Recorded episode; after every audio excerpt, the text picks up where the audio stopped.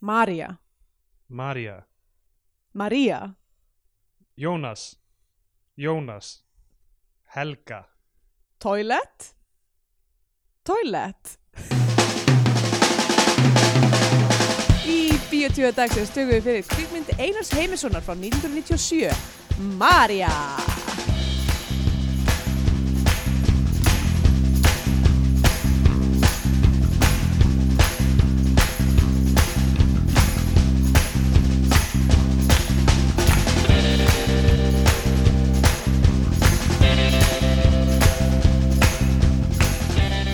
Já, komið heil og sæl og velkomin í Bíotvíó, hlaðvarpið um íslenska kvikmyndir. Ég heiti Andrea Björk og hér með mér er Stendur Gretar. Góðan daginn. Góðan og Hér er líka blessaðan daginn. Kisi. Hér er eitt köttur uh, á borði Andriðu Bjarkar. Já, ég var að spá, þú veist, að því að hann var að þefa af kaffinu mínu. Já. Haldi hvað verið fyndið ef dýr væru æst í kaffi? Sum, er ekki eitthvað styrk? Eða það? Er ekki einhverja apar sem að elska kaffi?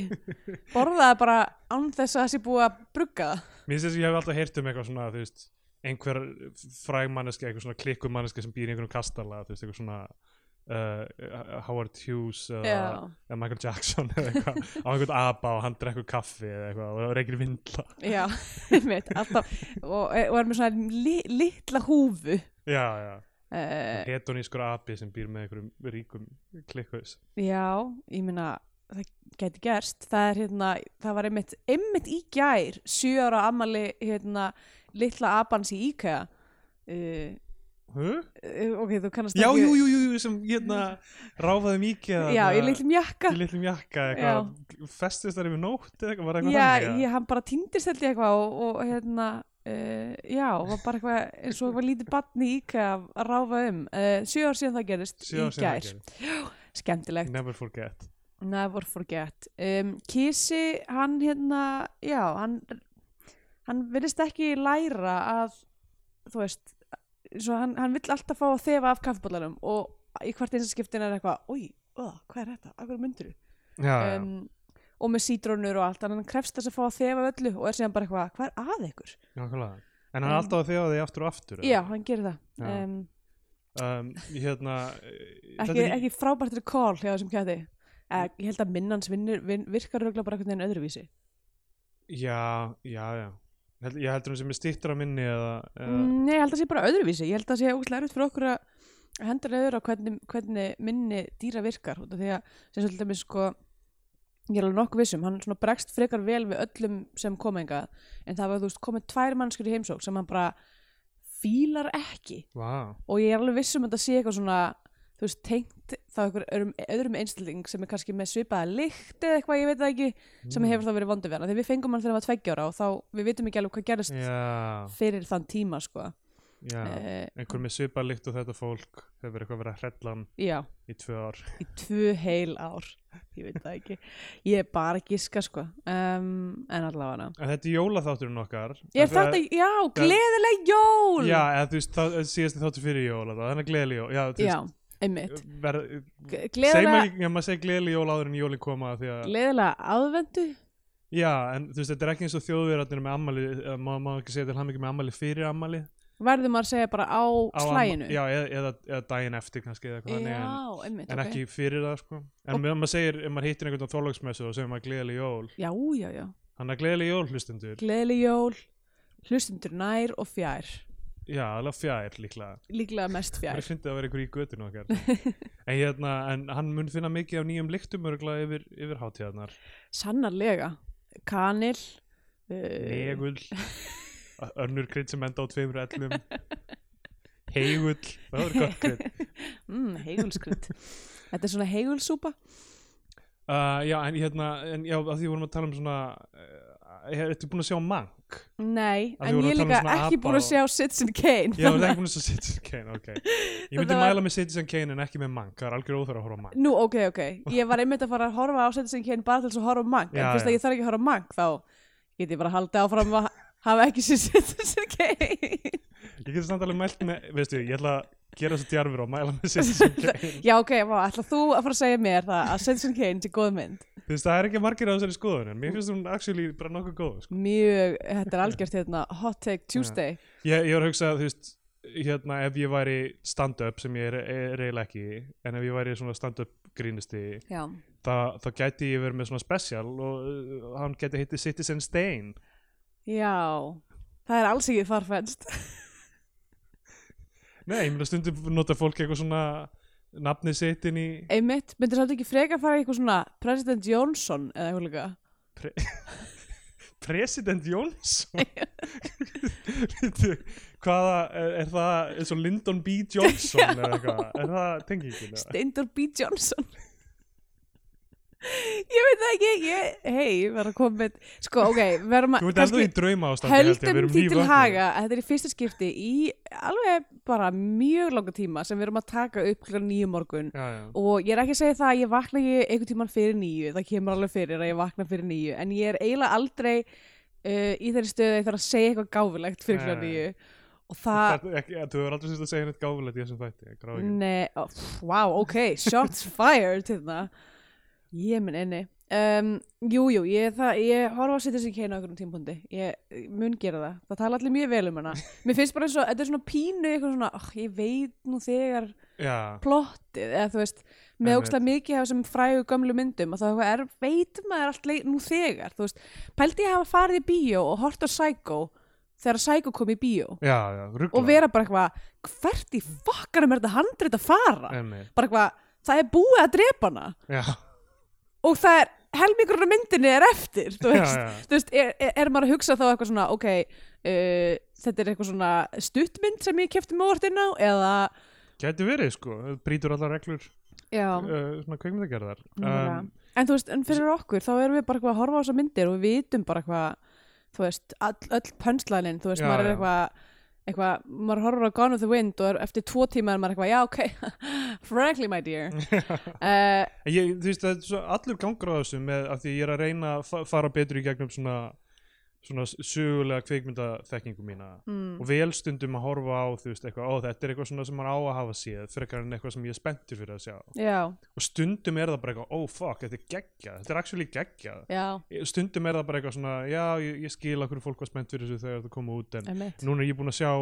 ógeðsla margar myndir sem, eh, ta, eh, þú veist, sem taka það sem að sömu- lestir er að keira beinta mynda Já, nákvæmlega. Ég horfði á hana og ég er bara eitthvað, ég hef séð þessu horfður margar á The Great Train Rob Ég, Rob Robbery, ég hvað fór heitir þetta hún og ekki? kefti Blu-rayin og sett hana á hvað heitir hún, The Great Train Robbery heitir hún bara það? Nei, nei, þetta er bara Train Arriving at Station Er þetta ekki eitthvað svona Ó, Lumi, ok, Lú, og- og þú ert að tala- Lumière bræður Já, ok, þú ert að tala um bara svona allra, allra fyrstu lestamyndana, ekki eitthvað, af því það var eitthvað svona mynd sem að koma út úr eitthvað 1900 og, þú veist, 7 eða eitthvað, Já, sem að er, þú veist, er með einhverju plotti ok sem heitir eitthvað svona, The Great T- Train Robbery, er það ekki já, eitthvað? The Great Train Job eða eitthvað líka, já, einmitt, eitthvað svona, The Italian Train Job um, já, jú, vissulega, stundum þegar maður, þú veist, eins og allir, mér fannst eins og ég vissi um hvað network snýrist um, en það var algjör upplifun að sjá hana. Já Já, það, þú veist, það er bara mjög mismunandi eh, einhvern veginn og, og ég er stundum eitthvað, ei Kristina, hefur ekki að horfa á þessa svartkvítu mynd Já, hún er eitthvað svona "Ugh." Kristján er alltaf eitthvað, "Ó, heyrðu, ok, ég sæki út sem stótið. já, já, og stundum er það, þú veist, geggjað Mm og, og stundum er það, þú veist já, ég skil, einhvern veginn Citizen Kane alltaf fyrst því ég sá hana ég er búin að sjá hana, ég horfði á hana aftur núna til undirbúið mér fyrir Mank Af- ástæðan fyrir ég nefndi Mank var, þú veist, af því að þú veist, náttúrulega Citizen Kane og þú veist, þetta er allt vísun í hérna, William Randolph Hearst hérna, fjölmiðlamókulinn Já, sem uh, uh, var með uh, The Hearst Castle þarna, í, í, í Kaliforníu þarna, á á Pacific Já. Coast Highway um, einhver svona risa kastalíf upp á hæð sem er með þú veist, dýragarði og hann var með bara eitthvað öll dýrmerkurinnar vá. wow. veist, eh, á heimili sínu og og við, við Kristjana fórum þarna Í dýrgarðin? já það er náttúrulega engin dýrar lengur en maður Nei, er bara þau svona eru að öll skoða dáin af því að þetta er mjög langt síðan kastalana nákvæmlega allir, Þau gá, dóu öll af náttúrulegum afleikum já, allir vindlareikandi abarnir eru Já. þarna bara, og sér hattana þeirra ah, liggjandi. já, veit, Og litlu, litlu pinstræði bjakkafötin Já Ógustlega trist að horfa á það um, Já, en þetta er svona bara frekar ruggla, rugglaður staður, þú veist, maður er bara svona að skoða ó, hérna er bíósalurinn hans og hérna er uh, sundlaugin og hinn Vá. sundlaugin og gest, Hin- öll gestahúsin og gestasundlaugin og Já, litla sundlaugin inn í þeirri sundlaug já, um mitt um, Vá, fe- mjög, hérna mikil tilvíðin, ég var að hlusta á podcast í bara gær, þar sem að eh, Hörst kemur, fyrir, kemur við sögu já, sem var í einhverju hérna, að fjalla um Newsies eh, eða sem sagt stjættabartu já, blaðadrengja blaðdrengja á, á öndverður 19. öld eh, mjög áhugavert um, mælu með því Þa- hérna, þ- þetta var náttúrulega fólk gleymir hérna, á tíunda áratugum ástæðan fyrir að Daví Oddsson var eh, svona vinsæll en hann kun- kunni, hann kunni alltaf svona pandera til já, uh, hérna, svona verkalýsins í rauninni Oh. og þe- þegar hérna, og við erum náði ennþá hann- að súpa að segja það því og þú veist, mannstu þegar hann tók út þarna eitthvað, ég ætla að taka út allan peningi minn úr, kaup, nei, úr hérna, kaupþingbanka hann er Ah. ah. búnaðabankanum ég eitthvað- man ekki eftir því hann eitthvað loka, geði gett mikið sjónaspil úr því að hann fór nýr í banka og tók allan peningi sinn og þú veist, færði hann yfir í annan banka af því að maður ekki búin að bankin gerði eitthvað þú veist, Já. maður ekki hækkaði vexti, ég maður ekki hvað það var nákvæmlega uh, og þú veist eitthvað, ok, þetta er samt ekkert sem breytir innu policy fyrir neitt, þú veist, þetta breytir nei. ekki hvernig já, var bankin hann, hegða var sér hann nú þegar við völd já, já, hann var við völd, sko og já, þetta er já. bara, ok, þú, þú gerðir eitthvað gesture hérna eins og við höldum að fara um nefnast, nefna þá var hann alltaf með eitthvað komedi þátt í útvarpinu já, já. uh, hann er bara hann- hann er, ah, já og hérna, og hann gerir þetta líka náttúrulega með þegar hann hann er bara veiktist- entertainer, you see hann er það nefnilega, og það, þegar hann veiktist eitthvað, hann fekk eitthvað hjartafall eða eitthvað þegar hann var já, menn þá Fó- komaði fósturöðra. skaupinu Já, en hann, þú veist, það bara var viðtal við hann held ég gott ef hann var ekki bara, á, þú veist, í rú- hérna spítalarúminu, ok, bara, í, á meðan aðgerðin stóð það sem hann var bara eitthvað, það sem ég, hef, hérna, orðið áskynja hérna er að við þurfum að byggja hátæknisjúkrahús, oh, eitthvað svona, á, ok, hann vektist og núna já, skilur núna þarf að gera það hann og einmitt. síðan þá hefur við notað þetta orð hátæknisjúkrahús, alveg þú rétt, einmitt og það sem hefur náttúrulega ekki verið byggt í einhverjum 15 ára en þá, er en þá, nei, nei, en hérna, en, enda, enda þeir ekki þörfaði lengur af því að það er ekki hægt að bjarga honum núna, nei, nei, nákvæmlega, liggur ekkert á núna, Nei. hann, hann er bara rótnandi hægt og rólega hann er, æja, hann er samvaksi hann er svo William Randall Hurst hann er, hann er bara með eitthvað svona snowglobe í höndinni bara upp í hátegismóum hvað er inn í Matildur Hva- vissir ég var að mynda að spyrja, hvað er inn í hans snowglobe en já, ég var að se- ætlaði að segja með þetta newsies er að þú veist, Friðrik Sófusson ætlaði, að hæ- sem var fjármálaráður ætlaði að hækka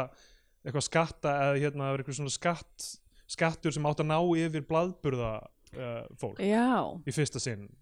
Hvað- ég man ekki hver, hver ástæðan var það hvort það var eitthvað verið að hækka eitthvað mörk eða eitthvað þannig að núna náðu og, og hann Davíð- Mhm. grunnlaun blaðadrengja innan, já eitthvað þannig og Davíð Oddsson sagði eitthvað svona ofinberlega eitthvað svona gerir maður ekki og, Ah. og það, það var svona frækt kóti hann í eitthvað tíma Já, hann var, sem Veistu- sagt, hann var að tala gegn því að skattleggja laun blaðadrengja já ok, og hvað þú er, veist, hvar er sem- þessi orka núna? þú veist alveg eitthvað, eitthvað nice move og allt það en, Já, já. en samt svona bara eitthvað svona tilfallandi eitthvað svona Mm, Já, já, og þetta lúkar einmitt. illa, basically já uh, hann er uh, og hefur verið a great illusionist Nefnilega. allavega hana En já, Eigum þú við varst að segja eitthvað um, varst að, ætlaðir að segja eitthvað um newsies um newsies, bara að, já, núna langar mér svolítið að, ég veit ekki, trú ekki að ég sé að segja þetta, en mér langar svolítið að sjá Disney myndina frá nýjunda áratunum með Christian Bale þar sem hann er ykkur úlingur að dansa og syngja einmitt, já að það var svo rosa mikið tala um þessa mynd að því hún var svona sko að því að, út af því, þetta er þetta mjög áhugavert ef við ætlum að tala um, að tala um arleð bíómynda þá var þetta eitthvað, eitthvað major flop þetta er eitthvað úlingsdrengir að dansa og syngja um, um stjættabartu og það er bara a, ótrúlegt að Disney hefur framleitt mynd sem fjallar um stjættabartu já, já. og b, að hérna uh, apparently var ekki eftir mikið á úlingstelpum sem horfði á þessa mynd út af því Já. það var gett mikið einhverjum hot ungum drengjum í henni sem voru að syngja og dansa allavega Einmitt. og apparently það var mjög mikið af þessum ungu stelpum blaðamenn í dag í bandaríkjörum sem eru að sta sta standa fyrir réttindabartu blaða, eðust, að því að núna eins og með newsies á, á að, hérna, aldamótorum 1900 að þá er núna, þú veist, content workers í bandaríkjunum eru að fá svo stutt að spýta, það var þetta að grípa í hana, já, sko. já, Um, og eru byrjað að unionessa já, já. og apparently þá er mikið af þessum hugmyndum komið frá kvikmyndin Newsies sem ég finnst eitthvað dásamlegt eitthvað dansandi þú veist Christian Bale með sixpensara er að valda því að BuzzFeed staffið er að unionæsa það er gott mér finnst eitthvað fegur í því sko Já, hérna ég bara blaðamennska og þú veist, allur businessin fór niður á við eftir að fólk hætti að hrópa X3, X3 út já, af hlutunum nákvæmlega K- Hvað getur verið spennandi, þú veist, ok, Og það tala selja- um clickbait í dag en, Gotta gotta sell them, sell them papes já, en þú veist, það stendur aldrei X3, Ég veit þú veist, það gertu Þannig hvað gerðist þegar þessi kona kom að Manni sínum. manninu sínum að halda fram hjá Þú myndi Nákvæmlega aldrei trúa því Þú mynd Það stendur ekki X3 fyrir framann á það, þannig að Ég hvernig á ég segi að vera það, spennt það, sko, það, það myndi láta mig, ef við ætlum að tala um clickbait, það myndi láta mig klikka. Já. Þú veist, ef það stendur bara, þessi kona kom fram að mannin sinna að gera þetta og geti hvað gerist næst, mm, yeah, mm, Nákvæmlega. whatever, ég veit ekki hvort það sé spennandi eða ekki, Er en ef það það ekki- kemur extra, extra, Já, er það X3, X3? Ég held þarf ekki að vita það. Einfalt mál. uh, Já, um, Eru núna allar fyrirsagnir á stundin að X3 byrja, byrja extra, extra. um, Samherji eh, ennþá Að vera hræðilegur, já. Svarið er já. Ég þarf ekki að opna þannig. Takk fyrir að endast að setningu fyrir mig Mm, uh, á fyrir ekki, það, nei, nei, þú, að- það var mjög gott, ég, ég gæti ekki sagt neitt þú mátt ekki segja neitt. En þú veist, uh, Já, ég var að tala um kvikmyndina Sko- Maria eh, Marja eða Um Maríu. Maria Marja og mannstu eftir þegar að þetta var The Heights of Comedy á Íslandi Hann hérna Pablo Pablo Escobar hérna satt ekki eitthvað svona Pablo Francisco ég ætla að fara að segja Pablo San Francisco Little tortilla boy oh my god sold tortillas on the corner and the mob wanted in ok, hérna, ég veit að þetta er, þetta er hræðilegt og ég hérna að því að, þú veist, ok, þetta var barsins tíma, þetta var sérst fyrir þá sem að eru Gott bit sko. ekki, þú veist, þrítugir uh, og muna ekki eftir Pablo Francisco Escobar. sko bara að það var hann einhver svona grínisti sem kom til Íslands og aðalega svona ní, ég myndi segja 90% standupur hans eru rattir Já, að já gera eitthvað svona finnarattir sem að öllum Góð- vilskjum Góð mic við María, já, rosa mikil mækvinna Gerði Arnold Og- Schwarzenegger uh, eftirhermu og Chris Rock eftirhermu og- fólk má finnast það sem það vil um eftir hermi standup uh, en mér finnst það persónulega stundum svolítið haki Já, já, að því þú veist, að því að þegar, þegar ég horfa á sett og, og mér finnst eins og ég sé eitthvað, ok, eina ástæðan fyrir þú ert að íta þessu inn í settið þitt er að því að þú kannt að gera hann hrein þá er ég bara eitthvað, ok, bara write better material, vinnur og gara seg ég var að horfa á uppstandans aðraldjón, það er mjög mikið af því þar það, var, það voru mjög finnir partar en þú veist, en, í, í, í, þú veist í grunninn er það bara, ég kann að gera danskan hreim og ég kann að gera norskan hreim og þú veist, þetta er bara svolítið mikið af því og fó- eins og ég segi, aftur fólk má gera það standa sem það vill og það Já. er allt í læg og mörgum finnst þetta mjög fyndið en ég myndi segja uh, þú veist, kill your darlings það er mögulega aðra að kenna að ég yfirleitt eitthvað svona og ég- fyr- ég- fyr- Eh. ég- þú veist, Ari er ógstlega góður grínasti já, já, Hann er já, það. mjög, mjög sko um, uh, örg- já, mögulega honum að kenna hérna, uh, að þú veist ég hef einhvern á- þú veist, áhuga að vera í einhverju komedi Já. því að þegar ég var mjög lítill ég, hm, hvað ætli ég að vera, kannski um tíu ára Ari er hérna fjórum, hann er fjórum árum eldri en ég hann hérna Þú varst um, 10 ára, þú varst selling them papes út á götu nei, það er nefnilega öfugt sko og var hann að selja þér blöð ég var á leiðinni út í Kjötborg sem er Já, hérna gamla góða kjötborg sjoppan, ég bjóð á Mhm. Brávallagötu og er á leiðin út í Kjötborg Það þegar er ekki svolítið langt fyrir þig að fara Nei, þú bjóst á nei, einum ég stað. bjóð á Já, já, Brávallagötu einmitt. já. og er að labba bara hérna, þanga þegar einhver uh, manneska með svona ein- einhver krakki með blað, blaða svona uh, hvað heitir það svona uh, lítið svona uh, kerra, lítið blaðakerra Já, einmitt segir eitthvað, heyrðu fyrir Eins og það var í stikkfrí Já, einmitt. Eitthvað, en ennur að passa þetta í smástund, ég þarf aðeins að eitthvað, hoppa inn og pissa eða eitthvað, ég veit, Mm. eitthvað vatn yfir afsök, afsökun. Mhm. Og ég eitthvað, ok, eitthvað, er eitthvað tíu ára og stenda þarna við hljóna á blaðakerrunni eitthvað. Þegar allt í einu einhver hleypur og bara stelur kerrunni Shit fram hjá mig og ég bara eitthvað, "Ah, ah, nei, eitthvað byrja að elta og er eitthvað að byrja að panika, þú veist, eitthvað tíu ára með einhver ábyrg. Þegar allt í einu Ari kemur fyrir hot með myndavér, bara eitthvað, þetta er falið myndavér. Og fannst þér það fyndið? Já, Ari og bara, þú veist, eitthvað fullt af öðrum krökkum í hverfinu voru þá bara eitthvað að, með eitthvað svona prank upptökur Vá og voru, þú veist,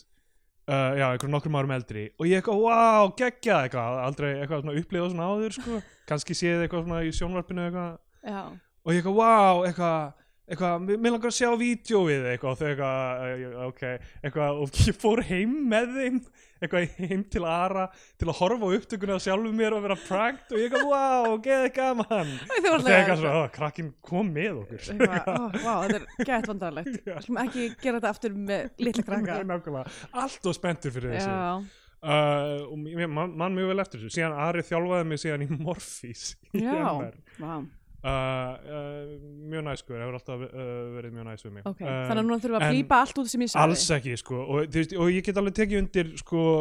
þetta er ekki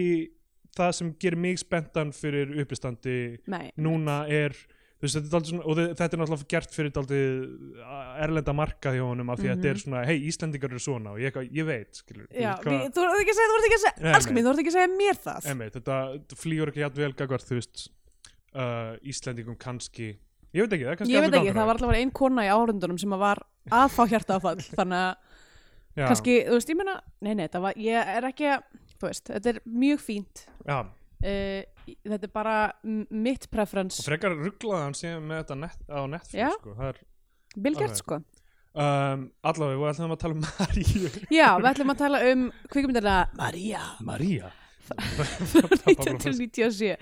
en þá, en samt, ég meina, ég veit ekki ég er kannski bara að draga allt tilbaka sem ég sagði út af því að ég er ennþá að segja Maria Já, sko, mér finnst svona hreima yeah! finnst- Mm. svona hreimadót og uh, sérstaklega eftirhermur finnst Já. mér virka þegar þú ert með eitthvað svona uník spinn á, á hérna, Já. karakternum eða eitthvað þannig Mér Einmitt. finnst ekkert gaman að heyra einhvern g- segja þú veist, setningar meira en þú veist eitthvað svona í einhverju vínaspjalli ef einhver getur gert eitthvað, sagt einhver eina Arnold Schwarzenegger setningu get vel eitthvað, Já, whatever, mitt. fínt en þú veist, ef þú ætlar að gera eitthvað heilt bytt þá verður að vera eitthvað Já, stærra það verður að vera gott hérna uh, hvað segir maður, góður rammi í kringum það Já. eins og hérna uh, hérna Axigon sketsin, maður Mhm. setur honum Nei, hérna, þessi Pete Holmes já, er með eitthvað svona spray þar sem að hann er eitthvað You might recognize me as famous uh, film actor Arnold Schwarzenegger You're Já. wondering where is my thick Austrian accent og svo er hann eitthvað svona að selja eitthvað svona spray og svo byrjar alltaf svona að fara aftur svona hreimurinn byrjar að koma aftur og hann er eitthvað you, you might remember uh, famous sentences like get to the chopper it's not a tumor og svo eitthvað svona svo byrjar, já, byrjar alltaf að koma þið verður bara að fletta þessu upp, ég ætla ekki að fara að segja hennan Já, heila, já. heilan skets núna en það er allavega gott víkul fyrir það að kunna gera góðan Arnold Arnold Schwarzenegger hreim já. En Mér finnst alltaf, alltaf svo fyndi ég þessu myndum hans Þessi- sérstaklega eða því að það er jól Jingle All The Way það sem hann, þú veist, er það stór hlut í myndirinn er eitthvað, þú veist, hann er í einhverjum búning og Já. fjölskyldar hans á ekki að þekkja hann og svo talar hann við þau og þau er bara eitthvað, hm, hver er þessi risavaksni maður með þykkan austurískan hreim Ég er nú sem heitir augljóslega- samt bara eitthvað svona John Hammond eða eitthvað, þú veist, eitthvað svona get bandarísku nafni Já, einmitt. Já, það var gaman hvernig við öll komum saman út um, um allan heim uh, í nýjunda ártugnum til þess að láta eins og, eins og Arnold Schwarzenegger væri bandarækjamaður. Það er stundum, það er stundum alveg nett þegar þú veist, einhverju svona Hmm. stjörnur eru stærri en uh, maður er bara eitthvað svona já, whatever, skilur þú veist, bara En- mjög skaman en- að horfa á þess að manneskju Já, leika já, einmitt. Já, já, já. og þannig að þú veist, myndirnar fyrir hann verða svona vehicle fyrir hann meira en þú veist meira en eitthvað, við ætlum að reyna að gera þessa mynd eins, þú veist, raunverulega fyrir þennan Já. karakter og eitthvað Einmitt. og hægt er allavega, Marja, þú já voru að þurfum reyna að að, byrja þetta svona fjóru sinum já. Og ég skal reyna að segja ekki Maria. Marja eina mynd, eina mynd Einars Heimissonar Mm sem hérna uh, því miður lést bara ári eftir hún kom út Í alvöru? Já. Og hvað var það ástæðan? já, hann sko, hann lærði í Þýskalandi skilt með þér Já, í, Og- í hérna Der Schule de uh, Fernsehen und Film í München. já, það, Já. ok um, hann, já, hann, læ- hann lærði hérna og hann var sko, eitthvað sérstakur uh, hann var sérstaklega að rannsaka og skrifa um um go- gott að það voru ekki þú veist, uh, hérna, gýðingar sem flúðu til Íslands eftir, í seinni heimstyrjöldinu og eftir hana Já, og það sem er viðfangsefnið þessar myndar er eh, eitthvað svona vinnuprógram þýskra kvenna að koma til Íslands og vinna á bóndabæn já, einmitt. Og þetta er sem sagt byggt á raunverulegum, Já, þetta er byggt allavega á eh, þú veist, þetta, ég held hún að segja ekki endilega byggð á raunverulegum atbyrðum en mm, hún er byggð á þú veist, eitthvað svona raunverulegu fyrirbæri sem var þú veist, að, að þetta er þýskra konur áhverst, þetta er koma að alveg einhverju samningum til Íslands til að vinna smá sko tilviljun að við séum að taka einhverja svona stríðsára tvennu já, af því við í síðustu viku tókum við tilbúri það er rétt og uh, rosalega mikið um gýðinga Og já, sem einmitt, eitthvað svona, aftur sem, af því það eru líka jól og, og, og, hérna, og hann og Hanukka uh, hérna áhverð af því að þú veist að, að, þú veist, sem við tölum kannski ekki mikið um í síðast þætti en þú veist á Íslandi eru mjög fáir gyðingar og Jú, þú ég veist, held ég það var að ný- við sagt að það væri fjórir Já, það er nýlegu fréttaflutningur af hérna uh, eitthvað svona samtök uh, gyðinga eða, eða eitthvað svona trúfélag gyðinga Mhm. sem er bara eitthvað svona tíu manns uh, uh, og ég meina það ásett líka sögulegar ástæður á því að við Mhm. tókum ekki á móti flóttamönnum í seinni heimstyrjöld og, einmitt og um, já þannig að þú veist miða við uh, aðra trú, trúflokka uh, hérna, og, og þjóðflokka einhvern veginn á heimsvísu eru Mhm. óvinnilega fáir gyðingar á Íslandi já, sem er alveg frekar merkilegt já, ég samt að þetta ekki hvað ég sé ég, ég veit ekki hvað ég er frá að segja nei, bara ég veit ekki akkur ég skil ekki akkur um þetta vilja flytja til Íslands ég, ég, það, Jesus við erum að fjalla einu mynd í dag nei, ég er ekki að tala Sem- um þá, ég er að tala um núna sem snýr um menningaleg samskipti Þýskalands og Íslands og ég hugsaði að þetta getur verið svona fallegt moment fyrir okkur til að hugsa heim til Íslands þar sem við erum ekki um jólin við Já, erum, við erum hérna í Berlín yfir jólin Ég er alveg til ég að fara að heimsækja Íslandi mjólin ef það væri ekki, þú veist, ef það væri ekki bara ógeðslega erfitt núna og ekki já, svona, já, einmitt. um, ekki svona, s- hvað segir maður, samfélagslega um, tillitsamt. já, já. Um, en já, ég veit það ekki. Ég bara, um, en kann, ég meina, ég held kannski bara út af, sérstaklega út af fæðinni, já. uh, sé ólíklegt að, þú veist, að það stækki í rauninni að þú veist, ef, ef þú ert eitthvað svona, að Ísland kannski getum við flutt þangað og svo eitthvað svona mm, ok, það eru svona þrýr geðingar þar já, já. eitthvað, mm, ég veit ekki með það það hlýtur Einmitt. að vera eitthvað ástæður fyrir já, það því lítur að vekja upp spurningar já, sko. emmitt og uh, já, ég meina ge- ég, ég, ég, ég maður væri, væri forhundilegt að þú veist, já, ég veit ekki, ég veit ekki hvort það er hægt að vita eitthvað meir um það en að draga einhverju stórar álíktanir eins og, eins og þetta, þú veist að, að landi hafi bara ekki verið opið fyrir geðingum lengi, eins og það var ekki opið fyrir ymsum já, emmitt og hérna um, en allavega þ- þessi mynd fjallar sem sagt um það að um, hún- hún er hún byrjar í þetta er líklega í Berlín eða ekki jú, ég held það mjög áhverð af því að sko um, eða samt, gætu verið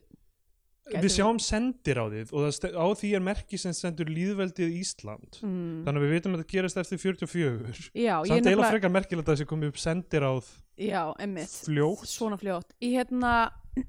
ég er mitt ástæðan fyrir ég, ég, ég, ég, sest, googla, ég var frantiklega að googla þessa mynd og reyna að koma staði já, hvað, hérna, bara hver sagan væri bak við hana að því ég, ég þurfti bara að pása hana því ég var eitthvað, ég veit ekkert hvað er að gerast ég þarf að, já, ég þarf, það er ekki mikið uh, exposition up top, þannig að ég þurfti bara að reyna að googla mig gegnum þetta, hún á að gerast 49 já, ok, stendur það ok já, Þa, og það, það meikar sem sko en það hlýtur að vera þá í, í Berlín af því að það er sendir áð mm,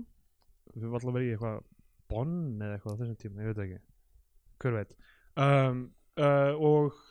uh, ein af mörgum myndum sérstaklega á þessum tíma sem hafa eitthvað með tengsl Íslands og Þýskalands að gera Það það er eru- tárur steini ég held að sé bara einhver peningar Já, það eru peningar sko, Þetta og svo er- eru fálkar nokkrum árum setna og... Einmitt, þetta er einhver, einhver hérna, það hefur einhver verið á Instacop í einhver svona hérna, fjárveitinga Instacop hvað? Í Instacop, ég held að vera að segja ég held að Instacop væri eitthvað app eða einhver heimasíða Ah, já, eins og copping eitthvað, Ég held að það væri eitthvað svona Instacop, þú ferð ákveð til að sækja um styrki eða eitthvað þannig, eins og ég hugsa Instacop, það ljóma eins og eitthvað svona samfélagsmiðill fyrir löggur.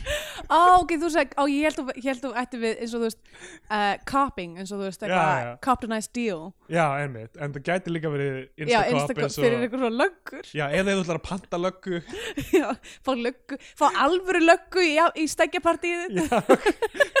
nákvæmlega, ég ætla að koma, koma, fyllit opið koma stegnum á óvart, hann heldur að það sé að koma streipari, en actually, hann er handtekinn fyrir öll eitulifin sem hann var að taka í stekjapartí. Þetta er intervention, ekki stekjapartí. á einhver Instacop nei, á hérna, sem sagt, í fjárveitingum hérna í Þýskalandi fyrir einhver svona sam-Evrópu eh, evrósk verkefni Já, get ímynda, get ímynda mér örglega. kannski Martin Slúter Já, gæti verið það- einhvern- ég, reyndar, stundartext ég la- las ekki allan hérna, kryddlistan þannig að ég veit ekki kannski var það augljóst þegar maður las kryddlistan en ég bara hreinlega þurfti Já. að standa upp frá tölunum minni En það hljóta að vera þýski peningar þarna, út af þessum þýsku leikurum sem er í henni sem Já. er alveg, þú veist, þetta er vinnandi þýski leikarar, þetta er Já, ekki bara já. einhverju leikarar Barbara Auer sem er hérna í aðalhuturki sem Maria Já, sem að ég ætla að ganga svona að segja að þetta sé bara eitthvað víkul fyrir Já, að hún er mjög sætt já, og uh, uh, hún er, hún, basically bara, lí- hún minnir mig gett mikið á Rachel Weisz í The Mummy já það er, það er góða punktur, það er þetta líkar mm, Svo er Rudolf Kowalski mm, sem er líka bara, ég fór á E IMDb síðuna hans og hann er bara með uh, mjög mörg kredit, sko, hann er uh, vi- vinnur mikið og það eru fleiri þíski leikarar í þessu hún byrjar sem sagt í Þískalandi þar sem María er, að- er að kveðja móður sína stríðinu, uh, stríðin í búið Já, hún er í flóttamannabúðum já já, það er líklega eitthvað þær eru, hvaðan eru þær aftur? þær eru einhvers staðar, Austur Þýskalandi, Já. þar eru frá Slesvík held ég já, emmitt og uh, þá ég veit Eða þú- ekki hvort er það tengist austur, er það, myndi já, það- já, Já. það hlýtur að vera það um, en þa- þá líklega ég veit ekki hvort að það er aldrei talað um Sovjetrikkin eða þú veist nei, emmitt, það múrin er ekki komin komin upp þarna nei, emmitt, en, hún er, en það, það er sem sagt- þær eru í ykkur um flóttamannabúðum já og, og hún kveður móður sína og hún sem, sem búin að skrifa undir hann samning um að fara til Íslands til að vinna á bóndabæ Já, og þá getur hún, þú veist, safnað sér peningum til að senda heim og og koma henni úr flóttamannabúðunum og, og byrja eitthvað líf einmitt Já. og það er bara í rauninni svona byrjunir við sjáum, einmitt, við sjáum hermennina og ég er eitthvað svona ok, þeir eru ekki í nastabúningum þannig að þetta hlýtur að vera eftir stríð Já, en ég er rosalega mikið eitthvað svona að emmitt, af því að púsla það var einhverju saman í staðan fyrir að upplifa myndina einhvern veginn einmitt, sem að þess vegna var ástæðan fyrir ég pásaði hana og byrjaði bara að googla á fullu Já, já. og það er ekki mikið upplýsingum um þessa mynd á netinu nei, ég, daldi gleymd mynd held ég Já, sendur ekkert á IMDb, ég þurfti að fara á nokkur þýska síðu og lesa samantekt á þýsku Já, mö- mögulega tengist það því að þú veist, Einar hafi dáið bara Já, árið setn mitt. og hafi ekki gert fleiri myndir Já, Friðrik Þór samt, þú veist, kemur er einn framleiðendum, af framleiðendum einmitt það er alveg já, hérna, bransin er alveg tengdur inn í þetta, þetta er ekki alveg fyrir utan íslenska bransan Einmitt. uh, og hún sem sagt um, viltu eitthvað tala um þessa senu í, í Þýskalandi eða er, Uh, ég meina þetta er nú bara, þú veist, ég meina æ, þetta ávist að vera held ég exposition sem er basically bara eitthvað svona, þú veist, hún og vinkurinnar er eitthvað svona að sæ, Já. sækja pappýra fyrir, fyrir þetta og er eitthvað svona jæja, eitthvað, já það kemur, það, á pappirunum er eitthvað stimpla bara, það, er bara þú veist, eitthvað ethnicity af hinnum hvíta nor, norður-evróska kynstofni emmitt uh, og það er ennþá eitthvað svona það er smá, það er alveg definitely digg á Eh, Íslandinga eða Íslandsku ríkistjórnuna já, já, það af er því, mjög- þe- af því þessi stefna var bara hún, ef eitthvað í meiri blúsandi hérna, upp, upp, Algjörlega. uppsiglingu í Íslandi á þessum tíma sérstaklega varðandi bandarska herin sem að ég Já. náttúrulega l- löngu komið í ljós af hérna sem var, já, vildu ekki taka hvað er bara rík, við svörtum rík, hermönnum ríkistjórn her, hvað er það aftur?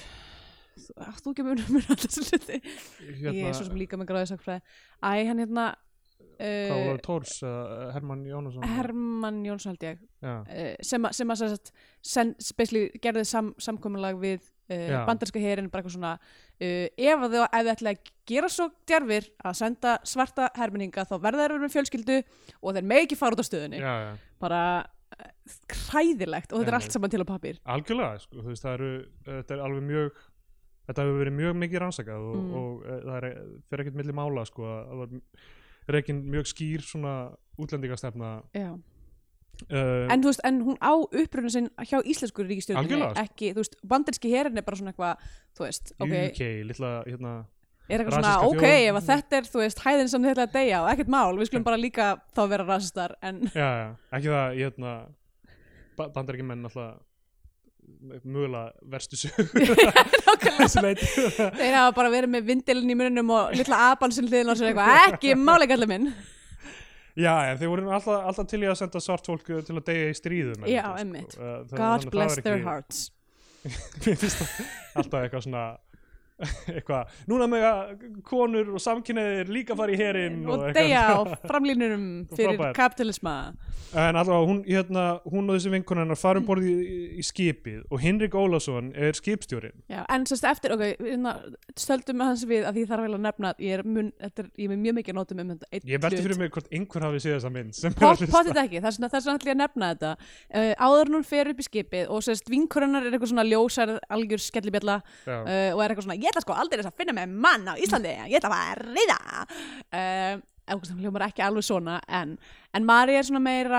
svona inn í sig og eitthvað og hún, tal, hún er eitthvað á samtali með mömmu sinni þar sem að mamminar er eitthvað þú kannt ekki að vinna Já, bara eitthvað, þú verður aldrei unnið hvað ætlar að fara að vera að vinna okkur sveitabæ þú ert með mjög svo mjúkara hendur og hún er eitthvað, "Ah, þau eru með vinnuvélar þetta er allt í lægi turns out, nei, alls er ekki. alls ekki með vinnuvélar allavega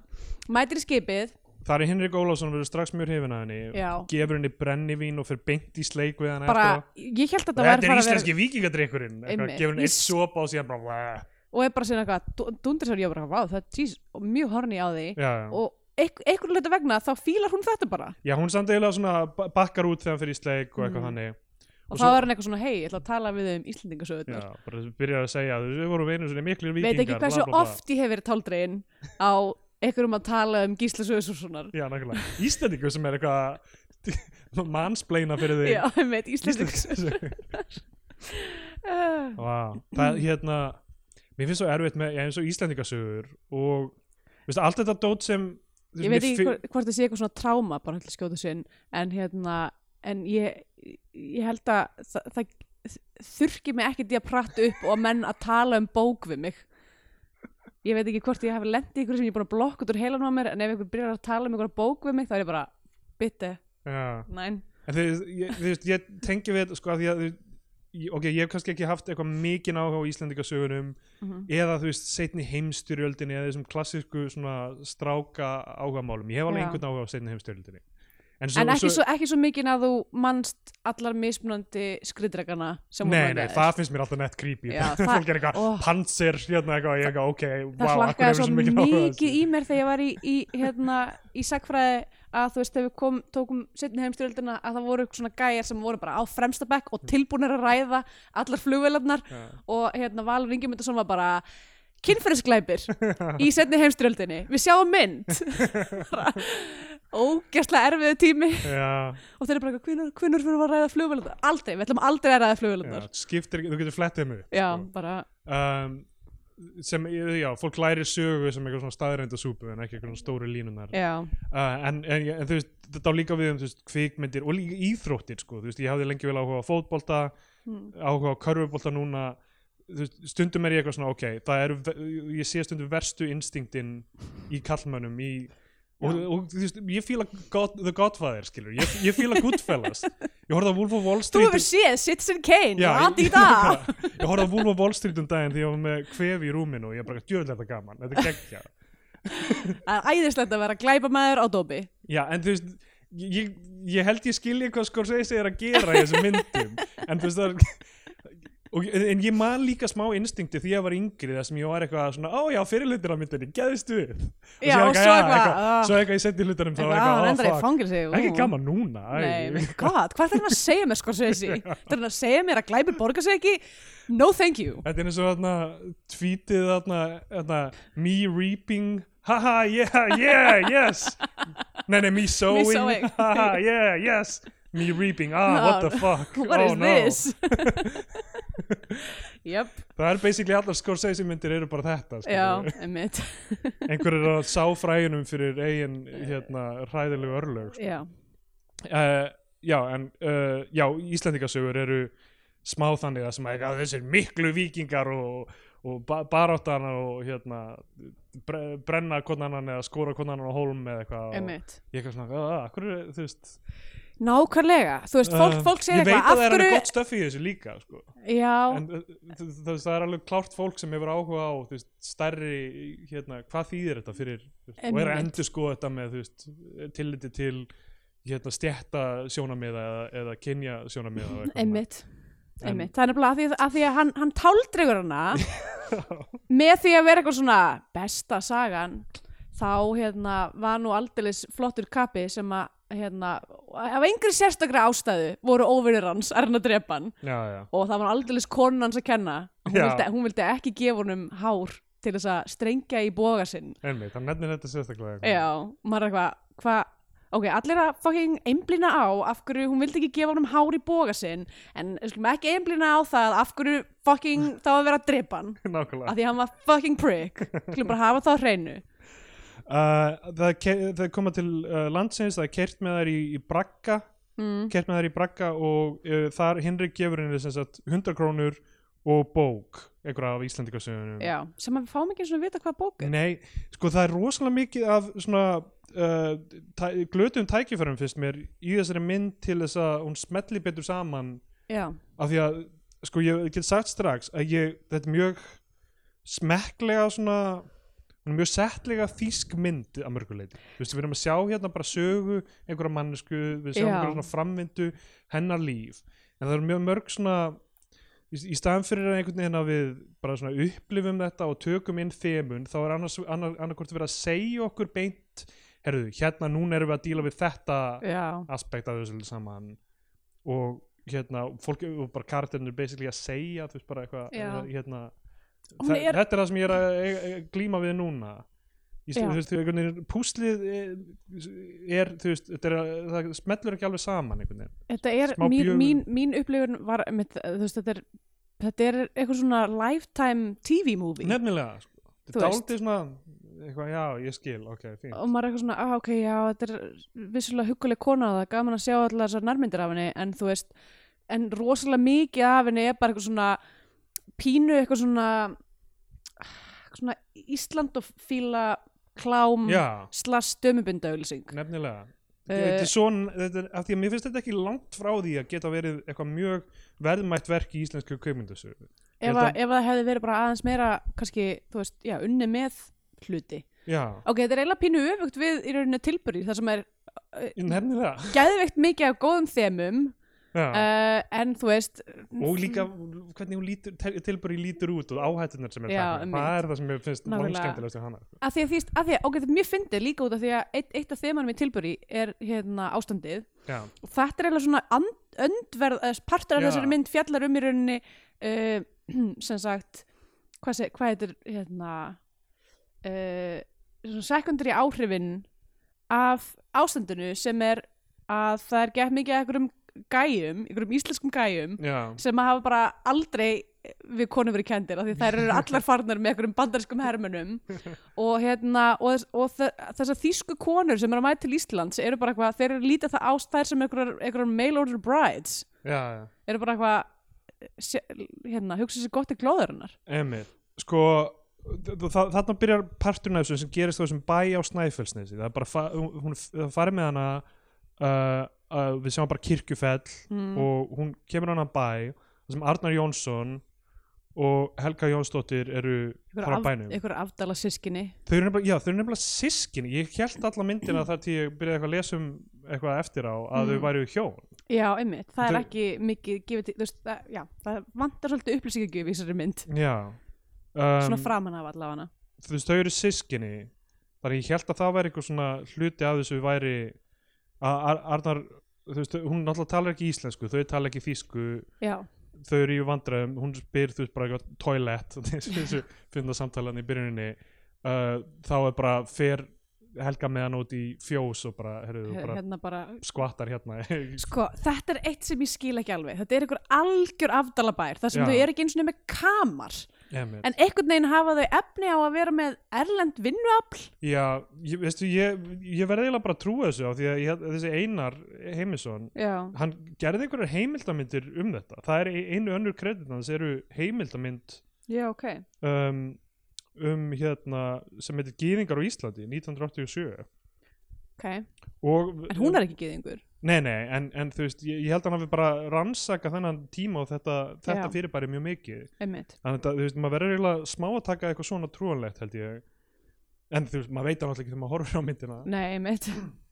en þú veist, þetta er, það er eitthvað svona nokkur svona smá fyndin moment þarna þú veist, hún uh,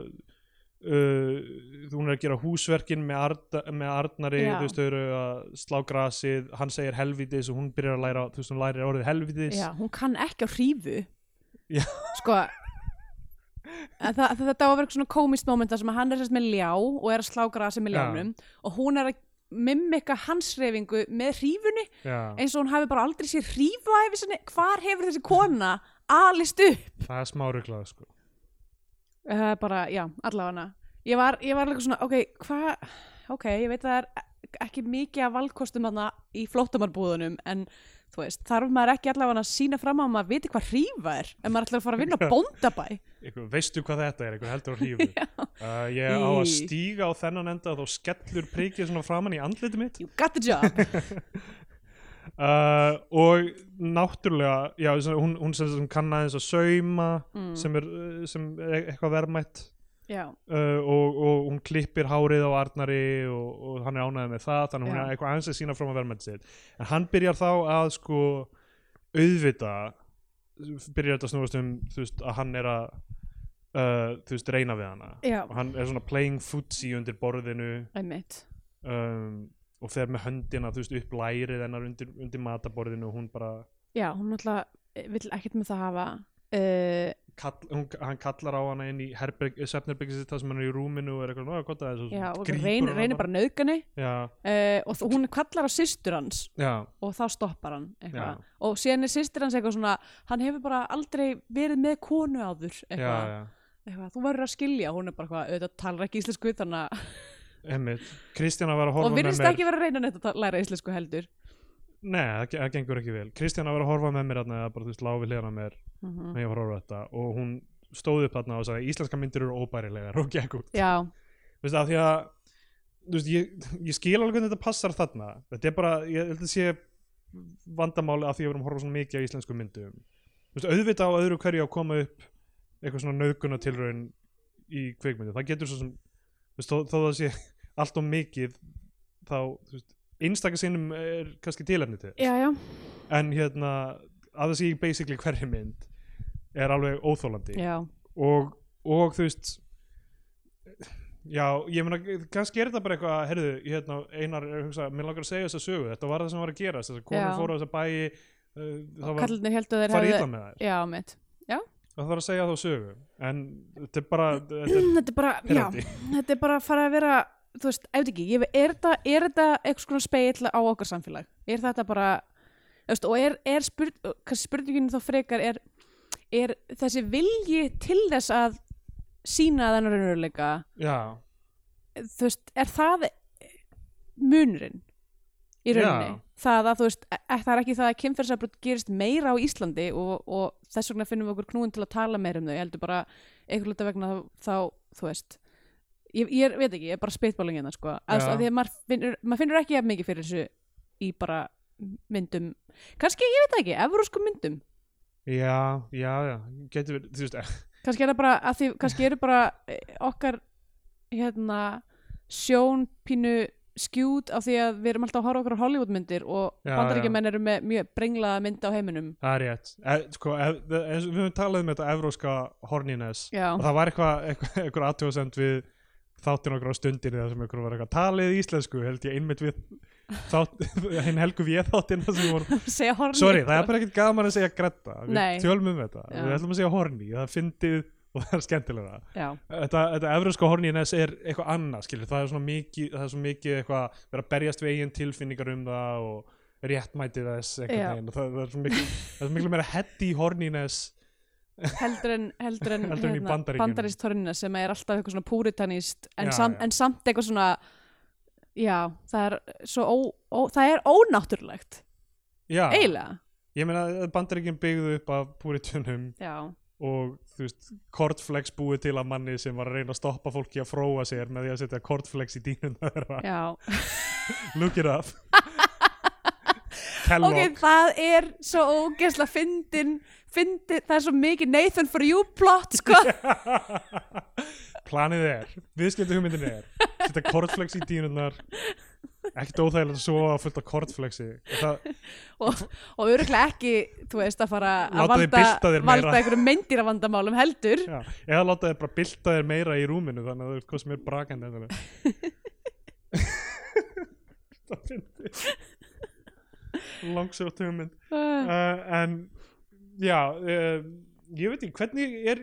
mér- eh, ég er nefnilega held að ú- mögulega út af þessum uh, bandarísku menningatengslum sem þú þekkir vel við á Íslandi er þú veist hvernig íslenska kvikmyndi díla við horniness já, og, og kynlíf og nauðganir og kynfyrirsbrot og allt það já, er mögulega einhver svona furðuleg blanda af þessum tveimur já orkum ég myndi segja það sko, en líka að veit ekki, maður sér náttúrulega mikla breytingar á, þú veist, nýjunda áratögnum neða tíunda áratögnum fyrir ekki já, uh, þegar að, þú veist, þá er rauninni svona americanization já, eða, já, uh, Stöð menningarvæðing tvö. menningar, já við verum að tala um stöðtfu er hvað, 85 kringlan 86, við erum að tala um þjóðasáttina sem tengist þessu auðvitað allt saman, nei ég muna Já, og ég, ég, ég, þetta, já, og líka þessar myndir sem eru þú veist, þessi, þessi bylgja af þú veist, þessu Tarantino og allt það og Já. alltaf, þú veist, Scorsese líka því við nefnum hann og og, og, og bara þ- þessi, þessi bylgja af myndum sem, sem eru daldið svona popkultúr já, uh, einhverjar uh, kópýr uh, Já. já. Já, já, en, þa en þá einmitt fáum við svolítið svona en samt jafnvel í þeim myndum og þá er ég að tala um tíndar og tökst okkur þetta svona er svona einstór fjölskylda og vegfóður og eitthvað Já, svona. mitt. Þá er Óskapur samt þjóðarinnar. líka, já, ég meina, jú, það er einhvers konar, einhvers svona pölp, hérna, þú veist, Já. stemming þar. En það sem er kemur á undan og það sem er kemur á eftir er miklu meira að því að síðan kemur sko, eftir í rauninni tíundartíðin myndi ég segja, kemur svona þjóðarbíóið á já, fullri siglingu inn kemur mjög stert inn þarna sem er svona, kv- þú veist, er, erlendar kvikmyndaháttíðir, veluna, Já, já. eh, þú veist, beit. Ég Um, vissum að einhver gáðar hefur skrifað einhverja rítgerðum þetta en, en þú veist, Já. þetta er, uh, já, þetta er áhvert og ég, ég held að því að við vorum að tala um Hrafn Gunnlaugsson og hans uh, svona hans nálgun á Horniness sem er, er eitthvað svona íslenska sensibility hans mhm. með þessu svona Ingmar Bergman evróska kvikmyndagerðar, þú veist, eitthvað svona ó, þetta er svo erfitt, Mér, ég skammast mín alltaf því ég er horny en samt er ég, já, verði ég að gera eitthvað í því og ég kann ekki að samt Þú er þetta mín, mín kjarna orka Já, og, og kjarnaorka það sem mín drýfur og- mig áfram og hérna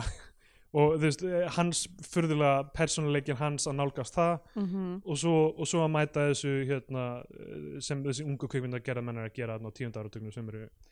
sem eru bara, hei, þetta er allt frekar þe- hvað geti verið meira edgy en að hafa naukunar sinni já, það er verra sko Já, það það er er náttúrulega alveg- miklu, miklu það er verra miklu verið en þessi hrafnir að gera Já. held ég, í rauninni eins erfitt og það sem það gerir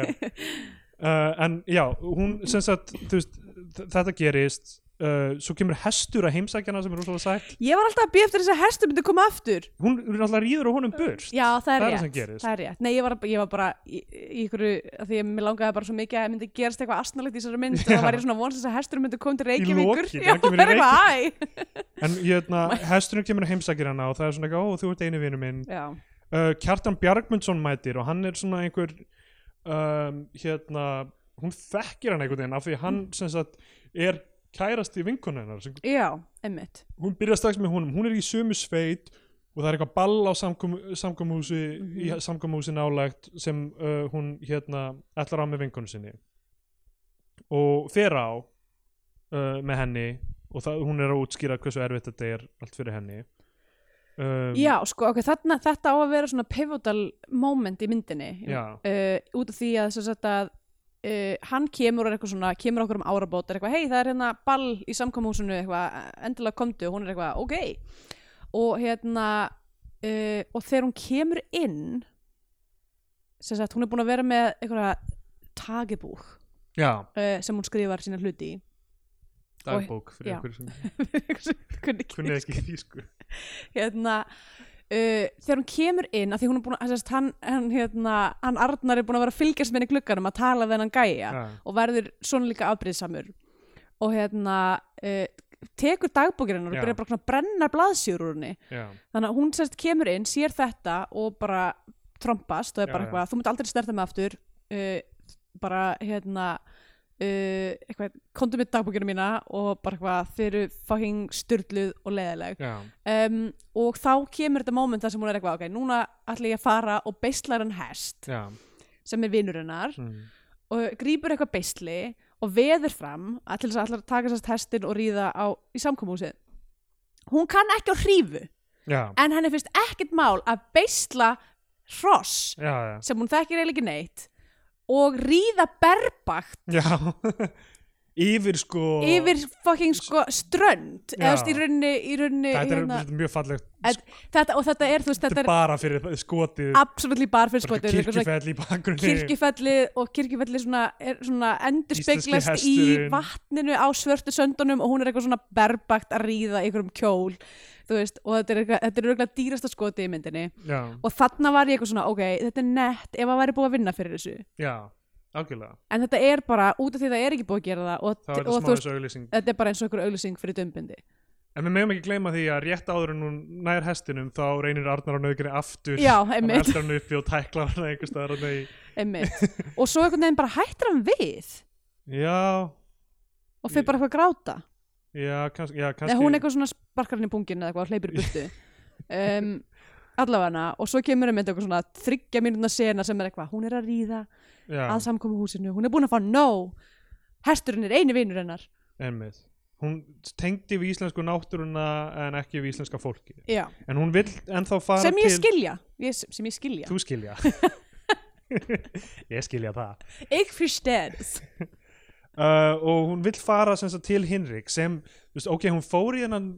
brennivínsleik við hann Við erum ekki, mér finnst eins og við hefðum meðlægt að fá eitthvað moment þar sem þau eiga eitthvað svona unað stund saman Já, Annað en hann einmitt. gefur henni bókina ég, að því að síðan eitthvað svona, e- eiga þau að fara ég er nefnilega hugsað eitthvað svona, ok, vá þau eru búin að ríða Já, við fáum ekki að sjá það á neitt, neitt nátt bara hann gefur henni bókina og svo þú veist þess, hann talar um Íslendingasöðuna við hana og svo Já. er bara svona eitthvað, allt í nörðu þau komið til Íslands og hann er að gefa henni pening og bók og er eitthvað, ég mun koma að sækja þig já, og þá er bara svona að fylla inn í eitthvað ok, þau eru sérst búin að vera fella hugið saman á skipinu já, mér, já mér, he- það vantaði, þú veist, eitthvað svona Titanic style absolutt ekki, ég var Eitthvað að svona býða eftir því að þau Boinka myndi vera í einhverjum bíl einhver old þarna. time í bíl Já í, þú veist, í hérna Af því- af því að, mm, þú veist, það, ef við hefðum hugsað þarna í staðan fyrir að hugsa eitthvað, öða, hann er eitthvað svona weirdo íslendingur sem er obsessed með vikingasögur og brennivín já, ef það hefði verið meira eitthvað, hann er s- svona sensi, meira sensitífa uh, andstaðan við Arnar já að hún, er eitthvað, þetta er hugmyndun um Ísland sem ég fíla ég held sko að það Það er hafi bara verið- meiningin. ég- það, ég held að sé meiningin með því að hann sé eitthvað að tala um bækur og eitthvað svona og hann er eitthvað svona á að vera ég held að í krafti þess að hann sé bara eitthvað svona myndalur og hávaksinn sé, já, já. þú veist en má, sem hann er, hann máli er lukkar mjög vel þarna. hann Ma- var, já, Henrik Ólafsson á tíundar átunum var alveg, alveg og, og stö- nýjundar í já, einmitt en hérna, hárinu náttúrulega hann var í hárið oft nefnd Já, já, já, já, já. Við vorum að tala alltaf um hárið í hérna, í uppsetningu, hvað hérna, flugfélagi loftur, eða leikfélagi loftur eða hvað, þannig uh, við skulum ekkert vera að rifja upp nei, við slum ekki ríða punktana það þar, en hérna, ég sá það sem sagt, það Já. var alveg big deal fyrir mig að, einmitt, en Henrik Ólafsson var í því. en ég held bara að þú veist, að, að ég held bara að the bar is so damn low Já. að þú veist, að þau hafi verið eitthvað ok, hann er ekki bara að nöðgani Nei, það gerir Já, hann að sjarmirandi heillandi manni já af því líka, líka af því við erum bara búin að sjá kallmenn sem eru herrmenn, eitthvað að vera, einhverjir, þú veist, eitthvað, er ekki eitthvað að vera að draga mömmunar burt eða eitthvað, er það er, já, Er það, Jú, þú hún, veist- það er alltaf einhver svona f- ógeðslega tísi og astnaleg eh, hérna, flash, já, flashback eitthvað svona, þú veist, við sjáum alltaf einhver svona svart hvít, svona, svona old-timey film, já, já. þú veist, dæmi þar sem að hún er að fá einhver svona einhver, eh, já, Svona einhver flash- minningar um hvað minningar það var um, erfitt. um stríðið í rauninni Já. og, og þú veist, það er eitthvað það er einhver eitthvað, Þetta er sko, þú einhver veist, baggi þar í rauninni þegar maður talar um þetta þá þetta passar allt saman Se- þú veist, sérstaklega ef þetta er hugsað fyrir þýska markaðsmá það eiginlega Já. púslast þetta saman það, bara, það er ímislegt í líka bara svona kvikmyndagerðinni sem er dálítið broti finnst mér sko já, sem er í hérna kannski af þetta er fyrsta leikna myndina hans og hann er vanur að gera heimildamyndir já, um, allá, hún er komin til Reykjavíkur, hún sest á prikið Já. hún sest við barinn á prikinu og þar er sem sagt uh, þjóðverji sem ég man ekki hvort við sáum í byrjunni Jú, segir að hann við var, höfum- hann við var, höfum hann heyrt. var sem sagt túlkurinn Túlkur, já. í rútunni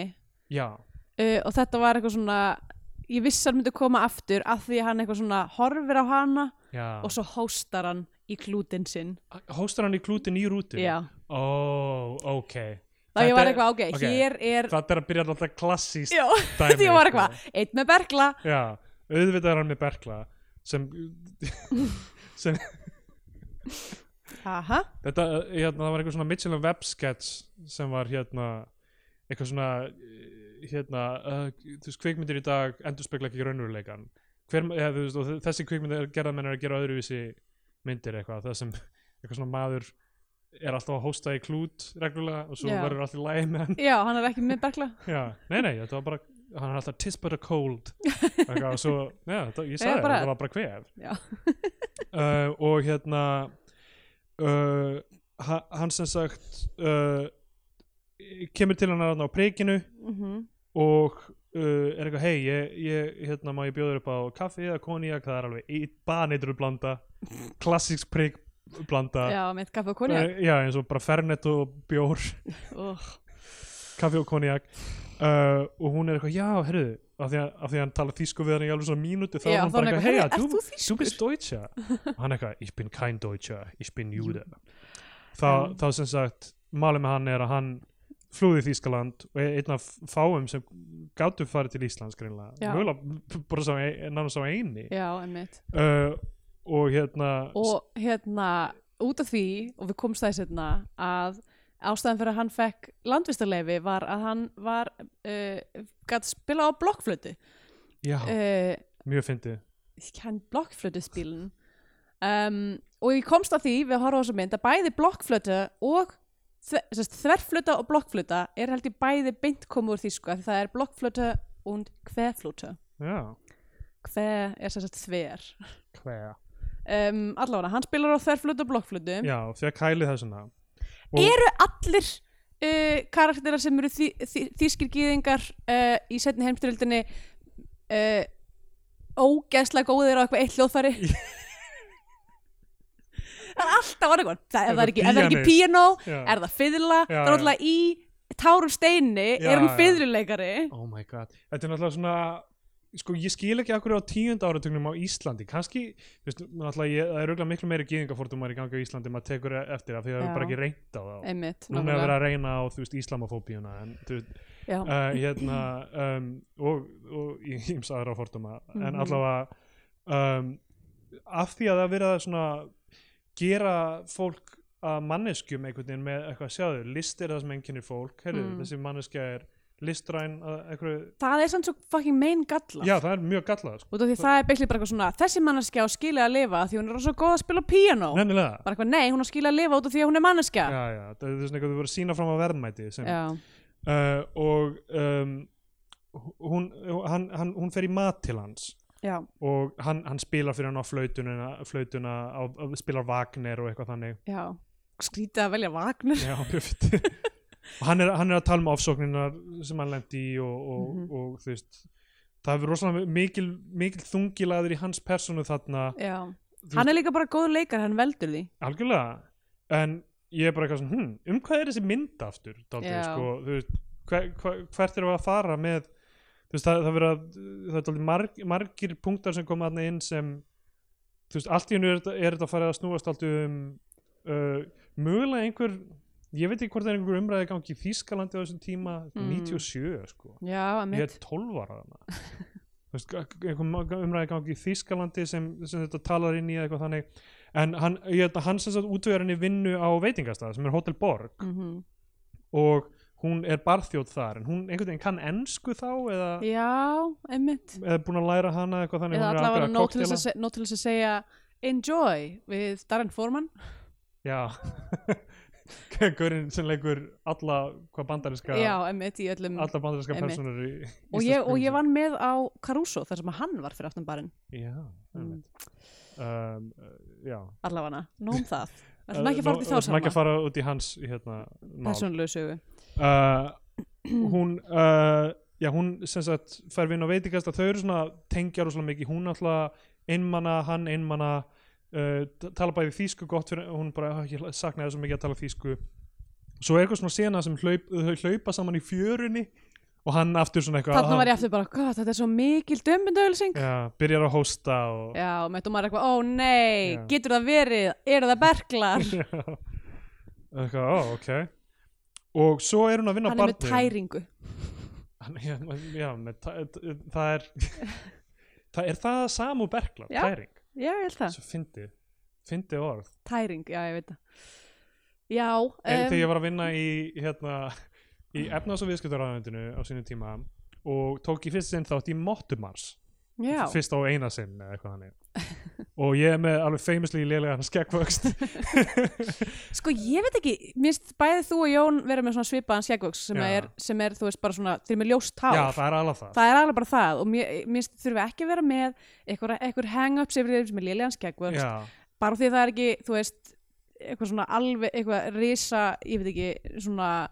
svona apaskegg ég eitthvað máli er samt að það er ekki nógu ljóst það er uh, eitthvað svona mitt á milli og Mhm. mitt er líka með svona nokkrum rauðum hárum einhvern veginn og Mhm. þetta er eitthvað svona f-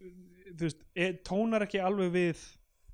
þú veist, ef það væri ljósara það það held ég að myndi virka betur sko. Æ, ég veit ekki, allavega sko í, í, hérna, mið, í lockdownu þá hérna, sannfærði ég Jónum að vera með yfirvarskegg og ég, mér varst það bara fínt og hann er alltaf hvart yfir þessu líka en ég held að þið verði bara að vera stolt ég held að þið verði bara að vera stoltir af skegginu ykkar já, já. þetta er fínt sko. ég, er með, ég, hérna, ég var heima með kvef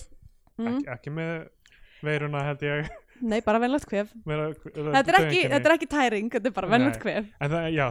við kalla það tæringu í dag en alltaf ég var með mottu og uh, Átni Páll Átnason þá var hann til ráðherra uh, sagði að ég liti út fyrir eins og ég var að deyja úr tæringu því að motta mín var svo auðmikjalleg Vá, hann, hann og, og hérna, hann var eitthvað svona þú veist, þetta var allt mjög góðlátlegt sko, þú veist, svaka góðlandlegt eða þú veist, whatever, hann var eitthvað svona, já, smá eins og þú sért eitthvað svona turn of the century, eitthvað Já, svona skáld ah, Já, svona, eða svona the sickly cousin Já, þetta er eitthvað svona Íslands, Íslands eitthvað svona alþýðu skáld, eitthvað 1900 og eitthvað og Varstu kannski alltaf með svona lítinn klút líka Já, og það er í svona einhverjum bomsum og vaðmáli eða eitthvað uh, En svo setti ég hérna uh, Komst aldrei á ríkiskoppin þannig að varst það að er deyja rétt. úr hóri uh, En svo setti ég hérna uh, hvað heitir það, svona augnhára lit mm, í mottuna Augnhára lit, Hvað heitir það? maskara Maskara, já, okay. er það ekki, heitir ekki á augnáralitur líka ok, ef við erum að reyna að halda okkur við íslensku svona mikið að í staðan fyrir að segja maskari Ég segjum setti við maskara í öðvaraskeggið mitt mm maskara í móttuna og Mhm. þá lúkaði hann alveg frekar vel sko. Já, ok en Þú, veist, þú fórst ekki bara allar leiðin sem ekki leik og varst með bleikt skegg mm, Já, þetta gera það mm. Það hefur náttúrulega verið að stela eitt alltaf honum Já, pluss að ég hefði lítið út eins og algjör ekki það, hann leit líka smá út eins og eitthvað creep, Já nema hann var ekki að vinna í Nei, fjármálararöndinu það er rétt og þú veist, Maggi Lego, þú veist, löngu komin yfir einhverja línu það sem er eitthvað ok, þetta er stíl meira en Já, já uh, uh, allavega uh, og ha- já, hérna, við erum komin allt á stuð Ég veit það. hérna, kemur í ljós að hann og Hinrik þekkjast þeir eru vini Já, þeir eru að vinna saman í business Já. sem að enginn vill það, nefna. það er bara ich bin geschäftsmann Já. Og eitthvað, hvað, me, hvað meinar þau, eitthvað business, random business Ég, tók, ég dróð þá áleiktuna að þetta væri þá eitthvað svona pínu ólulegt. já, Af því nákvæmlega. finnst þið vilja bara alls ekki nefna. Þú veist, þegar, þegar einhver segir eitthvað, ég er í import-export, já, já, girl, ég veit hvað það gera. nákvæmlega og hérna, þeir mæta á barinn Og það þá sem þú bara ert að gera er að flytja inn einhvers konar uh, litlar stittur sem eru fullar af kókainu. Nákvæmlega, skákkalla Já, um, en já, mæta á barinn og það er eitthvað, ú, það er vandræðilegt moment það sem eh, eitthvað svona ástæðþrýrningur já, mitt. og því að það er ekkert búið að gerast held ég á milli hennar og En hann Bruno er samt- eins og hann heitir Já, hann er, hann heitir Bruno, hann er samt búin að segja að hún sé rosa falleg. Já, Hann er augljóslega hefur áhuga á henni. og Hinrik svona felur giftingarhingin sinn Já, mjög augljóslega einmitt. eitthvað svona, ó, eitthvað grípur fyrir höndina sína með vandræða Mm og ha- hún verður rosalega reið, hún brýtur glas hún byrjar að dansa með einhver dáta til að gera sem er hann Darren afbrýðisaman. Forman aftur Já, að- að- það draumur að vera með honum já, og, uh, og svo er rosa flott skot af henni bara sitjandi ein bara á í Já. stóla með gólfinu einhvern veginn í svona bláu með ljósi hérna brennivínsflösku já. Já, rosa, þú veist, þú veist, það er alveg einhver touch í þessari mynd sem eru góð já, og svo er, þú veist, Bruno eitthvað fullur, mætir fullur á barinn og er eitthvað, þú fílar Hinrik af því að Já, hann er einmitt. ari en ekki gýðingur eins og einmitt ég hvað þarf maður eins og ég að gera til þess að vera elskaður Já, rosa, svona, þú veist sem að var rosalega mikið svona in, internalized einhverju svona þú veist, ok, ég meina það gæti, gæti verið að hún sé fordómafull en þú veist er, er þú veist, gýðingar er ekki eitthvað svona einsleitur hópur af fólki sem líta allir einhvern veginn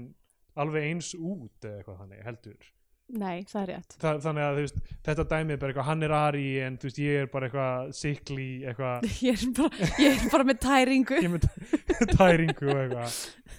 Um, já, sko náttúrulega, Þú veist- að veit ekki, mér fannst, mér fannst, þarna fannst mér hafa verið eitthvað þema sem hefði mátt fucking tækla, sem er það að hún er allslust kona já sem er, uh, þú veist,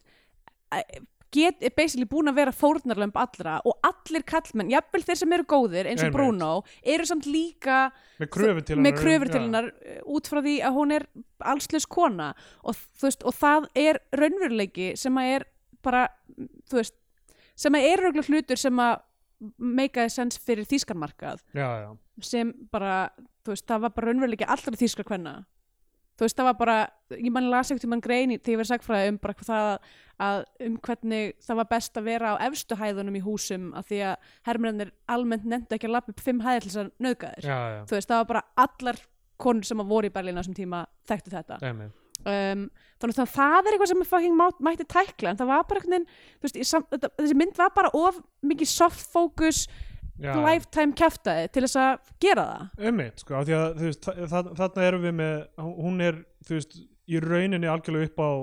náð þeirra komi, mm þú veist, að hver, hvert, eina, hvert sem hún fer, af Já. því að hún er, hérna, að upp, upplifa sig svona, þú veist, hún tala ekki eins og í tungumáli. eða Einmitt. eitthvað. Og er ekki með einn skills, Nei, hún kann ekki, veit ekki hvað Já. hrífa er ummitt, þannig að þetta er, þetta- þú veist, þetta er, já, einmitt, fókusin virðist vera daldi, þarna er þetta allt í hennu komið yfir í skiluru eitthvað svona, ó, eru ennþá undirliggjandi gýðingafordómar Já, þú veist, eða, þú veist, þeir eru náttúrulega augljóslega á þessum tíma en þú veist, þetta er talin í samfélagi 1997 þú veist, hver, hver er tengingin þar, þú veist, eru, eru þetta ennþá hugmyndir okkar endilega um fólk, þú veist, Íslendi, hvernig þjóðverjar hugsa um Íslendinga versus hvernig þeir hugsa ennþá um gýðinga mögulega, já ég veit það ekki þú bara veist, hér, hér er uh, arguably, uh, þú veist það þurfum ekki einu svona að rífast um það, mest kultiveraði, mest interesting, besti leikarinn hérna í þessari mynd mynd var eitthvað, af hverju er hann ekki að fá að ríða nákvæmlega, Það er spurningin eftir að vera, af hverju þarf hún að ríða einhverjum? Finnst mér. nákvæmlega Það, ég meina hún er ung, ung kona sem þú veist ég meina ég, líklega það sem þjóðfélagi til ungar konur eiga að vera að gera á þessum tíma fyrir Já. þessum mann. en hérna Hinrik eftir þetta uppþót Mm þar sem hann ke kemur á fullur og bara æpir á hana með þetta bara þið finnst ég ógæslegur af því ég er gýðingur Já. uh, og hérna þá mætir Hinrik til hennar bara eitthvað hringibjöllunni fer beint í sleik við hennar Já. bara hún er ekki búin að opna dyrnar Þú veist, þannig að þú veist ég meina kannski er eitthvað verið að snerta á þessu en þú veist það er ég veit ekki hvort hennar svona hennar af því að hvernig þetta endar þá Já. Samt sko, Ég eiginlega, veit ekki hún af- ákveður, að- hún, hún er beisli, hún er að safna sér kjarki já, og hérna, og hún fær eitthvað kjark þarna til, þú veist, beisli, hún er að berjast við mismunandi kallmenn, alla myndina, já, þú veist, og það er afdalagægin sem að gefur henni styrk til þess að fara úr afdala, hérna, uh, bænum og, Já, já. þú veist, bara ég er betur en þetta já, ég er betur en þetta og svo þú veist hérna eh, basically tekur hérna tekur Bruno eitthvað svona pretty woman á hana og kaupir handin einhverja kjóla og já, eitthvað já, og hérna og, og þá og hún er komið vinnu og er að þjána pening sjálf og þú veist er færum að senda mömmu sinni ykkur og það er eitthvað svona heil sena þar sem hún er að fer á pósthúsið bara þess að senda mömmu sinni ykkur að pakka já, það er þú veist hún er komið með fjárhræslegt sjálfstæði já þessi myndi náttúrulega eitthvað svona 70 eitthvað mínútur já, hefði örgulega verið hægt að fylla út í mm, já bara með aðeins meira já, aðeins meira vinnu þú veist, aðeins að leifa, leifa senunum að anda þú veist, af því að Henry kemur ræ, bara ræðst á hann með kossi þau fara beint á ströndina og hann er bara eitthvað heyrði, ef maður siglir hérna suður þá endar maður á suðurskauslandinu og Mm. heldur áfram með þetta vikingadæmi allt saman Einmitt, og hún er bara eitthvað að býta, er konan henni ekki ólétt? Já, Bara- einmitt. og hún lo- segir þarna bara eitthvað þarna er hún strax tilbúin ég hefði viljað sjá hana kannski aftur daldið falla fyrir honum Mm, þar til hún áttar sig á að hann er ekki, að hann er ekki heill gagvart henni já, af því að þú veist maður hugsaður eitthvað þarna getur maður hugsað þú veist eitthvað, ó það væri algjör uppgjöf hún endar með honum já, þannig að við verðum eiginlega að sjá hana gefa sig aðeins í þá á einmitt, nákvæmlega. uh, Sem en hún hefði- strax já. bara, herðu, ég hérna, elska þig ekki lengur Já, og ég er, ég er hann sterk kona, Já. ég hef búin að læra margar hluti og núna veit ég hvað ég vil. Já, og fer beint til Bruno. og kissir hann Já, og smitast ekki af berglum Nei, ég veit var einmitt, sko, ég, ég stoppaði myndina til þess að googla Are, Is TB contagious? ekki. mm, ég he- held það, er það ekki Jú, er það ekki bara frekar af því að síðan sko þegar þessna fór ég að hugsa sér líka um allar hinamyndina þar sem er eitthvað svona ah, hún er hot að því hún er með bergla eitthvað, hvað, hún er samt að smita allar berglum hinnar myndirnar uh, múlarrús já, já, Nei, þú veist, og síðan, æ, þú veist, það eru oft í eitthvað svona, það, það var í alveg hlutur á, þú veist, hérna, um, í kringum aldamótin já. að konur með bergla voru áleitnar mjög hot af því að þeir voru gett hóraðar og fölar og svo alltaf þegar hérna, hö- Þetta þetta er eins og þetta er svona heroin chic á já, tíndaratöknum ö- nei, absolutely nákvæmlega sami luturinn svo þegar hérna, hóst upp blóð þá geta hann nota blóðu sem rús Jesus Christ uh, Allavega, Oh hún, my oh God. hérna, Ég- hún fer til hans og kissir hann og klæðir hann úr fötunum og það kemur svona þverflötu tónlist Já, sko Yfir. tónlistin, by the way, í þessari mynd er óbærileg, hún er fyrsta lagi tekin upp á eitthvað svona þú veist, Dota Piano og Tiger uh, í alvörinu, þetta, er, þetta hljómar eins og sko prísettar, Já, já, þú veist, eins og þegar maður er að læra á hljómborð og maður svona setur eitthvað svona back, backing track af einhver betafinnlega í gang nema það er alltaf búið að breyta einni nótu í hendingunni, þannig að við erum að heyra eitthvað svona eitthvað sem hljómar pínu eins og óðurundi gleðinar en er samt, þú veist, í a- a- bara, er bara með einhverjum þremur öðrum mismunandi nótum já, já. og öll tónlistin er svona fyrir utan verkin sem að hann spilar á flautu sem eru bó- alvöru verk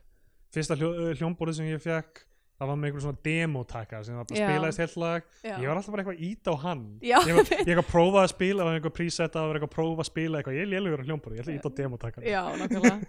Það er, uh, hérna, allavega hún, hérna, uh, og þau sofa saman mm og uh, svo strax er bara svona kirkja brúðkaup og það Já, er svona skemmtileg maður er fake eitthvað- out það sem þau eru ekki að giftast heldur er það hérna, þíska Vinkon- vinkon, já. vinkonan og Kjartan Bjargmundsson mhm. er að giftast og er ekki svona hún eina sem situr öðrum megin Jú, af því hún er eina frá, frá Já. satt, uh, en það er ekki íslensk hefð þeirra það er ekki íslensk hefð, það er Nei. bandarisk hefð Já, skrítið Kannski Og- er þetta líka í Þýskalandi ef það væri þýsk hefð þá verður alltaf skrítið ef hún væri að krefjast þess eitthvað ég, vil, ég heimta að hafa það þannig Já, eitthvað, ó þannig að eina vinkona þín er þetta megin einmitt Það var nú samt ekki mikið af fólki í kirkjunni þannig Nei, að það var nei. kannski bara eins og það var allavega Já, það er sérst Hogside Já. um, og uh, já, og svo bara eitthvað kemur held ég aftur flashback þar sem að þau eru að la- hlaupa í svartkvítur ströndinni og svo allt í hún komin á Bergla sjúkrahús Já, þau eru í lautarferð fyrst Já, það sem hann er eitthvað svona, einmitt. herðu getur hvað, ég er með berkla Já, ok, nei, býti, sorry Þa,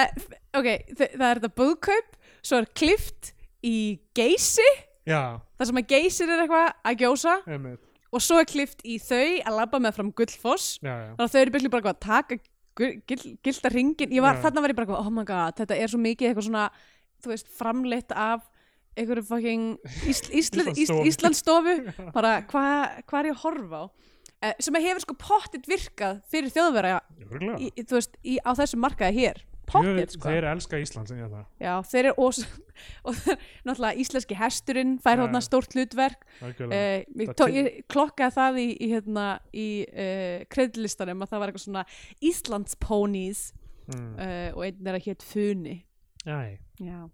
viltu sjá Eh. meira af Funa? Funi, gott, Mm. gott nafn á hest uh, eða mann, já, geggja nafn á mann eiginlega. Funi, já, geggja það Mm. allavega hérna, já, sem stöður hérna gullfórs geysi bíllinara, eitthvað bílar, Bilar. svona, svona, eiginlega svona geysir útrúnum Já, einmitt uh, og hann hann reykur. eitthvað hann er eitthvað, heyrðu spilar- ég, með- ég get lagað þetta Já. og tekur fram flautuna og byrjar að spila hana af því að hann er kultiveraður maður þau hlæja, já, svo er hann bara á spítalanum já, svo hann bara þar finnur eru allir með grímur og passa sig ekki mikið hún er bara, hún er bara eitthvað, herðu það var æðislega nóttin með þér hérna um daginn sko þetta gerist svo hratt, hún er eitthvað fer og kissir hann þau sofa saman, svo bara deyr hann Hmm. já, já, bara eitthvað, ógist veist, eh, mér finnst þetta svo, ah, mér finnst þetta mikið cop-out já og svo í- á s- á spítalanum þá er hún bara eitthvað heyrðu, þú bjargaðir mér já, þú bjargaðir mér og þetta er aftur að smá að tala inn í þetta eins og það sé eitthvað ólíklegt að hann ég veit ekki, mér mér finnst þetta allt mjög skrítin svona uh, kynþáttapólitík eða þú veist eitthvað þannig eða ég er get eitthvað- samt alveg skilið það að hún sé eitthvað svona þú, þú veist Bjarga er eitthvað þýskri konu sem þú hefur alls ekki þútt að gera af því að hann segir á einum tímapunkti í myndinni bara eitthvað ég mun aldrei snúa aftur Þýskalands já, já en, en þú veist aftur, af því að þetta er uh, 50 árum eftir að þetta gerist allt saman mm. að, að þú veist, þetta er kannski eitthvað svona eftir að, já ok, ég meina ka- kannski getur þetta spilast 97, en ég hugsa um þú veist, þetta er örugglega eitthvað sentiment, þú veist, á- árin eftir setni heimstöldun sem er, heyrðu, við skuldum þeim ekki neitt, skilur, sem Já. þið stóðu ekki með okkur. Já. Uh, og 97, þú veist, þetta er á Íslandi, þetta er bara, þú veist, einhvern veginn persónuleg saga, nokkra, nokkra manneska sem eru látna að standa samt fyrir Mm -hmm. k- hvaða, þú veist, kynþætti eða, eða þú veist, trúabröðum þeirra af í rauninni svona Já, eitthvað svona hluti fyrir heild að það, þú veist, þú, þú hjálpaðir mér þegar þú hefur alls ekki þurft að gera það mm. uh, er, þú veist, þetta er ekki sama samhengi einhvern veginn, þú veist, Mhm. ok og það er erfitt fyrir hann á Íslandi og allt það en þetta er ekki sama, þú veist Nei, það er rétt Það er Alls ekki sama samhengi þannig að, þannig að einhvern veginn finnst mér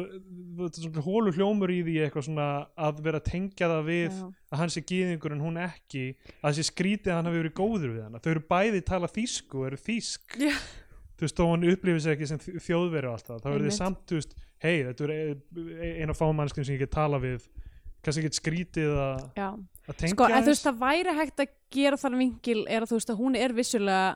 þú veist, kona í þessum heimi og Já. það eru allir að fucking reyna að brjóta á henni og nýta sér hana Einmitt. og þú veist, og sávingill að vera bara eitthvað svona við, sem að hann, re- hann segir okkur um tímabónd eitthvað svona, við erum, við erum bæði þú veist, uh, heimilislaus og allslaus í þessum heimi og Já, já, já. við ættum að standa saman þú veist, en bara þú veist þessi vingill sem er bara eitthvað, það, þú ert manneski sem að, he, er auðvelt að brjóta á og ég er manneski sem að var já, já. auðvelt að brjóta á einhvern veginn, Það, er- þú veist, það, er- þetta er allt saman rétt þegar, þú veist, þegar maður segir það Mhm. en, en það var bara einhvern veginn myndin ekki- er, já. er ekki búin að þú veist, þegar þetta kemur þá er ég meira svona eitthvað, ó frekar hann að hugsa eitthvað svona, já, auðvitað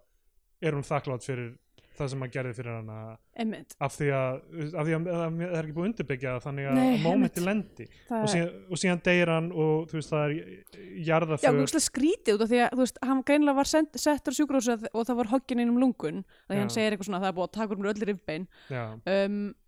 e- en svo dó hann bara skrítið að hann segir síðan eitthvað og ég er búin að geta totta mig síðan eitthvað, passar ekki við tónin í myndinu alls ekki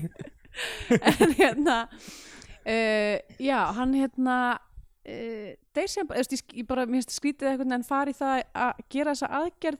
sem er mjög veisif ef hann er síðan bara döðvona Já, hann, hann deyr, jarðaförin Henrik er þar, þau talast ekki við mm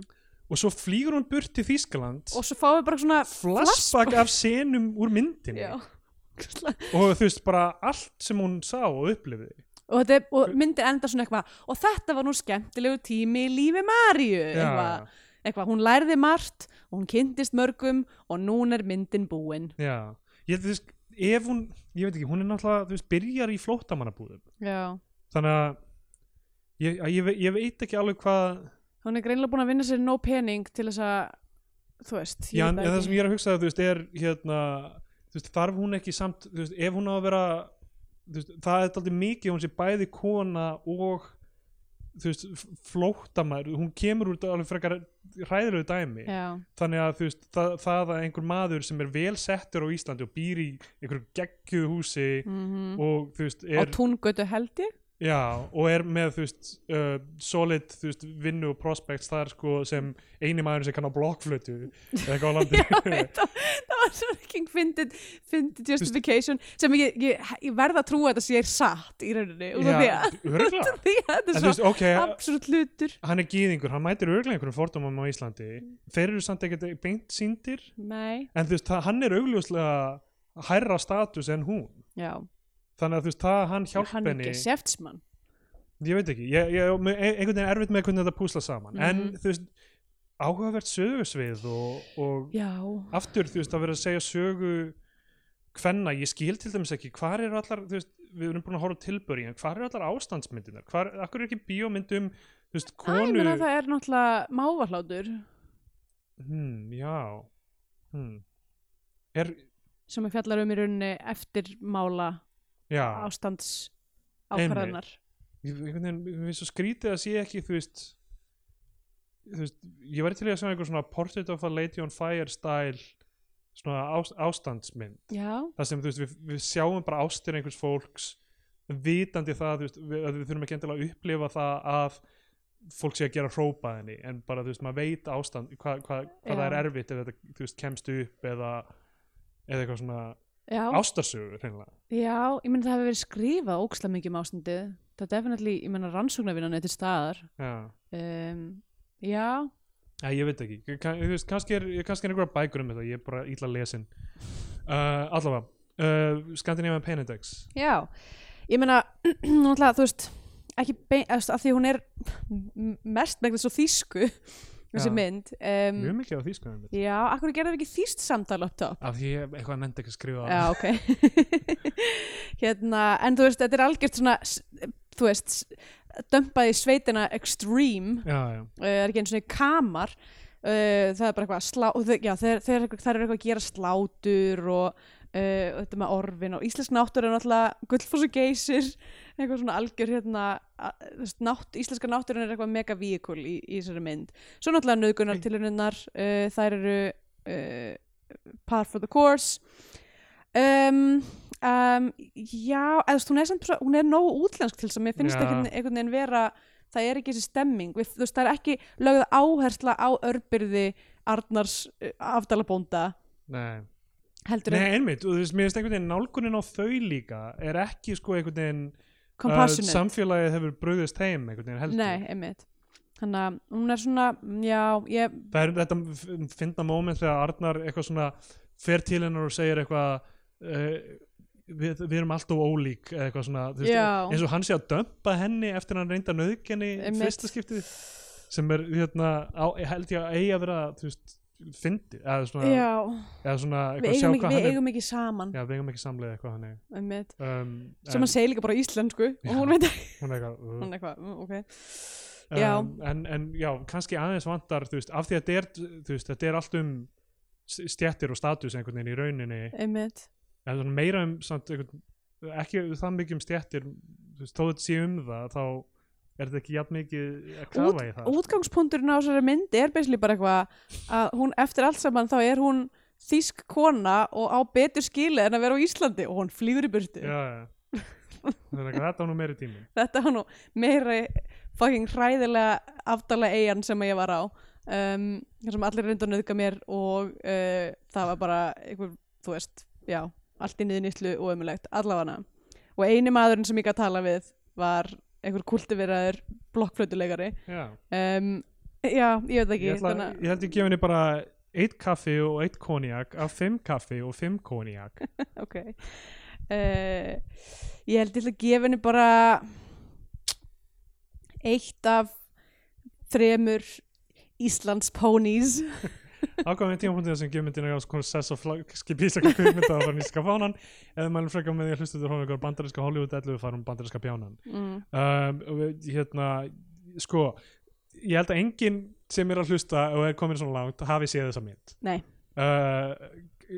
kannski, ég veit ekki kannski einhver sem tengdi skerðanar slýsast á hennar þátt og hlustar á þetta þá, þá hérna, það verður gaman Já. en annars held ég að flestir, þú veist, ég veit, ég veit ekki hvo- hvort fólk hefur séð hana nei, og uh, við erum búin að vera eitthvað að kafa í einhverja, þú veist, kynþáttapólitík og eitthvað svona dót, þú veist, já, já, trúðu mér bara, ég hef rétt fyrir mér eða, þú veist, whatever, Já. skilurðu. ég, samt lendingin hjá mér er í rauninni svo að það eru áhugaverið hlutir sem eru teknir upp á yfirborðið, en þeir eru bara það, þeir eru bara einhvern veginn alltaf á yfirborðinu og það er allt, þi- það er allt sagt með beinum orðum, það er Mm. allt bara, herðu, bara ég er gyðingur, þú ert uh, þýskona, við erum ólík, mm. eitthvað, ég er íslenskur maður þú þú ert tískona við erum óleik, ég er íslenskur mm Mhm. þú veist, það er einhvern veginn aldrei, þú veist, við fáum aldrei að taka það inn bara í gegnum efnið og við sjá, Nei. og gegnum visual efnið sem við sjáum að, að einar kunna gera því að þessi skot af hérna, hestinum, henni á hestinum Mm, Já. kirkjufelli fullt af glæsilegu myndefni í þessu já, einmitt en, en það sem er bara brotið er einhvern veginn að segja söguna á visual hátt og, og kannski gefa, þú veist, ég meina, hver er Marja eftir þetta já, saman? einmitt Hver er hún? hún er pínu bara eitthvað svona, það, við vitum ekki, ekkert um hana Já. nema bara það að hún fær flashback í stríðið Nefnilega. og þú veist, og kann, kannski þetta sé kannski þetta það sé óþarf að segja þetta við þjóðveri eitthvað, ó, við vitum öll hvernig þetta var þú veist við hérna, þ- þessi harmleikur er búin að erfast uh, í gegnum mm fjölskyldunar okkar það er auðvitað erfitt að, að, að hérna, þú veist, það eru allir bara á, hún, hún var þaðan, við vitum hvernig það er hann hann var geðingur, við vitum hvernig það er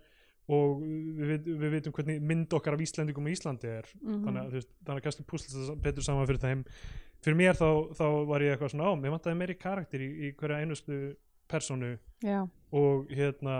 og af því að annars verður þetta aldrei mikið bara eitthvað, ó, hérna er tákmynd fyrir geðinga hérna er tákmynd fyrir íslenska hvíta arja Mhm. og síðan bara einhverja svona konu sem eina sem hún virðist vilja er að, er að þú veist, finna sér kallmann, þú veist, það er eina, eina sem hún gerir já, mitt og náttúrulega au- augljóslega hjálpa móður sinni sem við vitum ekkert hvað verður um nei, hún er bara eitthvað í þessum Já, flóttamannabúðum hvað, þú og veist, svona svo fær hún einhverja pakka á einhverjum tímpúndi ekkert moment einhvern veginn með, með, emitt með mömmunar þannig, að Ok. þannig að ég verði miður að gefa henni bandarska bjánan já, en maður var að hugsa þú veist eitthvað, hvað hérna, hefði Einar geta gert um, uh, já, já, því að þú veist, margt í þessu sem er bara, og, og ákveðið sensibility sem þú veist, ma maður sem var að gera heimildamindir um gýðinga á Íslandi á mm Mhm. -hmm. nýjönda áratögnum eða eitthvað, þú veist, áhuga svið sem nær út fyrir það sem íslenski kvikmyndagerðamenn höfðu á þessum tíma þannig að, emitt þannig að uh, bara gaman að þessi mynd sér til hún er ekki nógu góð að mínum að því nei, ég ætla að mæla með Days of Heaven hérna, Terrence Malick æðislegt myndin en ég verð samt að segja með Malick ég, mér finnst, ég ber alltaf meiri virðingu fyrir myndunum hans en, ég tengi við já, já, ég skil það alveg- ég skil það ágætlega sko það ég er alltaf pínu fjarlæg, fjarlæg en það, ég hugsaði þú veist einmitt skotið þarna hest, hestinum eða eitthvað, eitthvað já, Já. þetta er svona klassís svona fallegt Malick eitthvað svona já, mitt dýrðar skot af einhverju mm allt tekið upp í golden hour bara, já, já, það, ég meina það var náttúrulega það var mál fræ, með frækt með þá mynd er Já. að það var bara tekið upp svona tveir tímar á dag já, hræðileg framlýsla hérna, en hann hafði efnaði, hann var búin að gera balans og hann mátti það, já, hann má um, Má- það er Terrence Malick hérna, ok já, ég meina ég er bara á sammáli mér varst,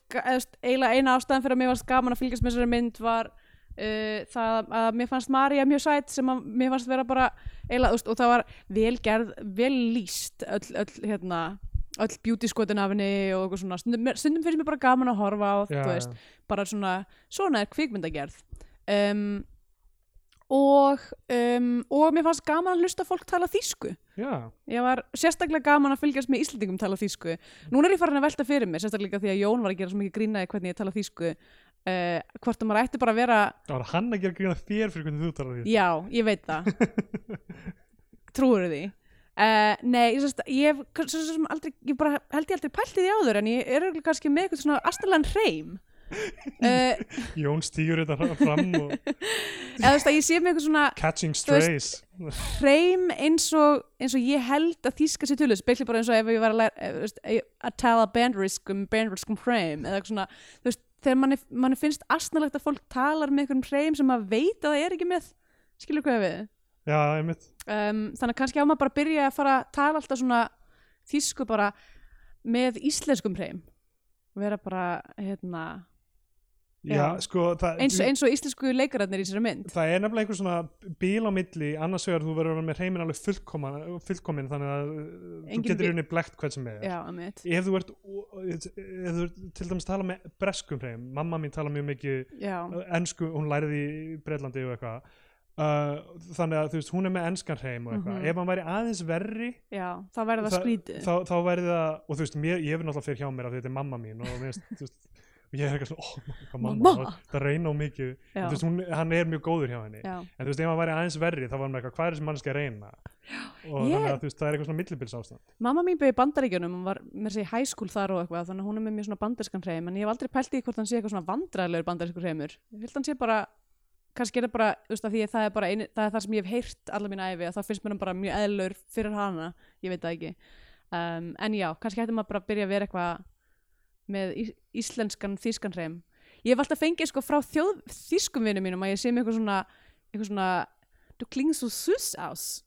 ah. að ég hljóma eins og eitthvað kannski, þú veist, er ég með eitthvað svona óvart með smámæli eða eitthvað líka þegar ég tala þýsku að því ég er alltaf eitthvað svona að reyna að gera þú veist, tvöföld S og eitthvað já, kannski ætti maður freka að vera bara Ich heiße Andrea und ich komme aus Island und äh, ich möchte gern äh, bitte zwei äh, Kuchen zum Mitnehmen. Danke. Til að kynna þig þú ert að fara í bakari Hvað gerir þú það ekki? Þessi dónaskapur í þér. Alltaf að kynna sig. Uh, hérna, já, en hún fær bandarska bjánan líka frá mér ég Já. hef ekki mikið meira um þetta að segja en það var gaman að hlusta á alla uh, íslensku leikarana tala þýsku Mhm. um, og já, ég ætla bara að mæla með mömmi, af því að ég bara hugsa óslega mikið um Rachel Weiss á menn ég var að horfa á Það er þessu svona fint að sinn sem þú gerir það en það verður aldrei mælt of Nei, oft það með er öllum rétt, að svo mynd á allt hrós skilið, sérstaklega því hún var í hún var í, þú veist, hundakofanum í mörg ár, fólk var eitthvað fannst hún gett léleg, hún er ekki léleg hún er frábær, Nákvæmlega. þannig Úr- að Úr hundakofanum með hana já, Uh, já, það, hérna, þið getið eitthvað, segið vinum ykkur og við sem með þó til já, einmitt og hérna um, þú veist, gleðileg jól ég meina, við eigum- eigum nokkra þætti eftir við- af þeim myndum sem við höfum núna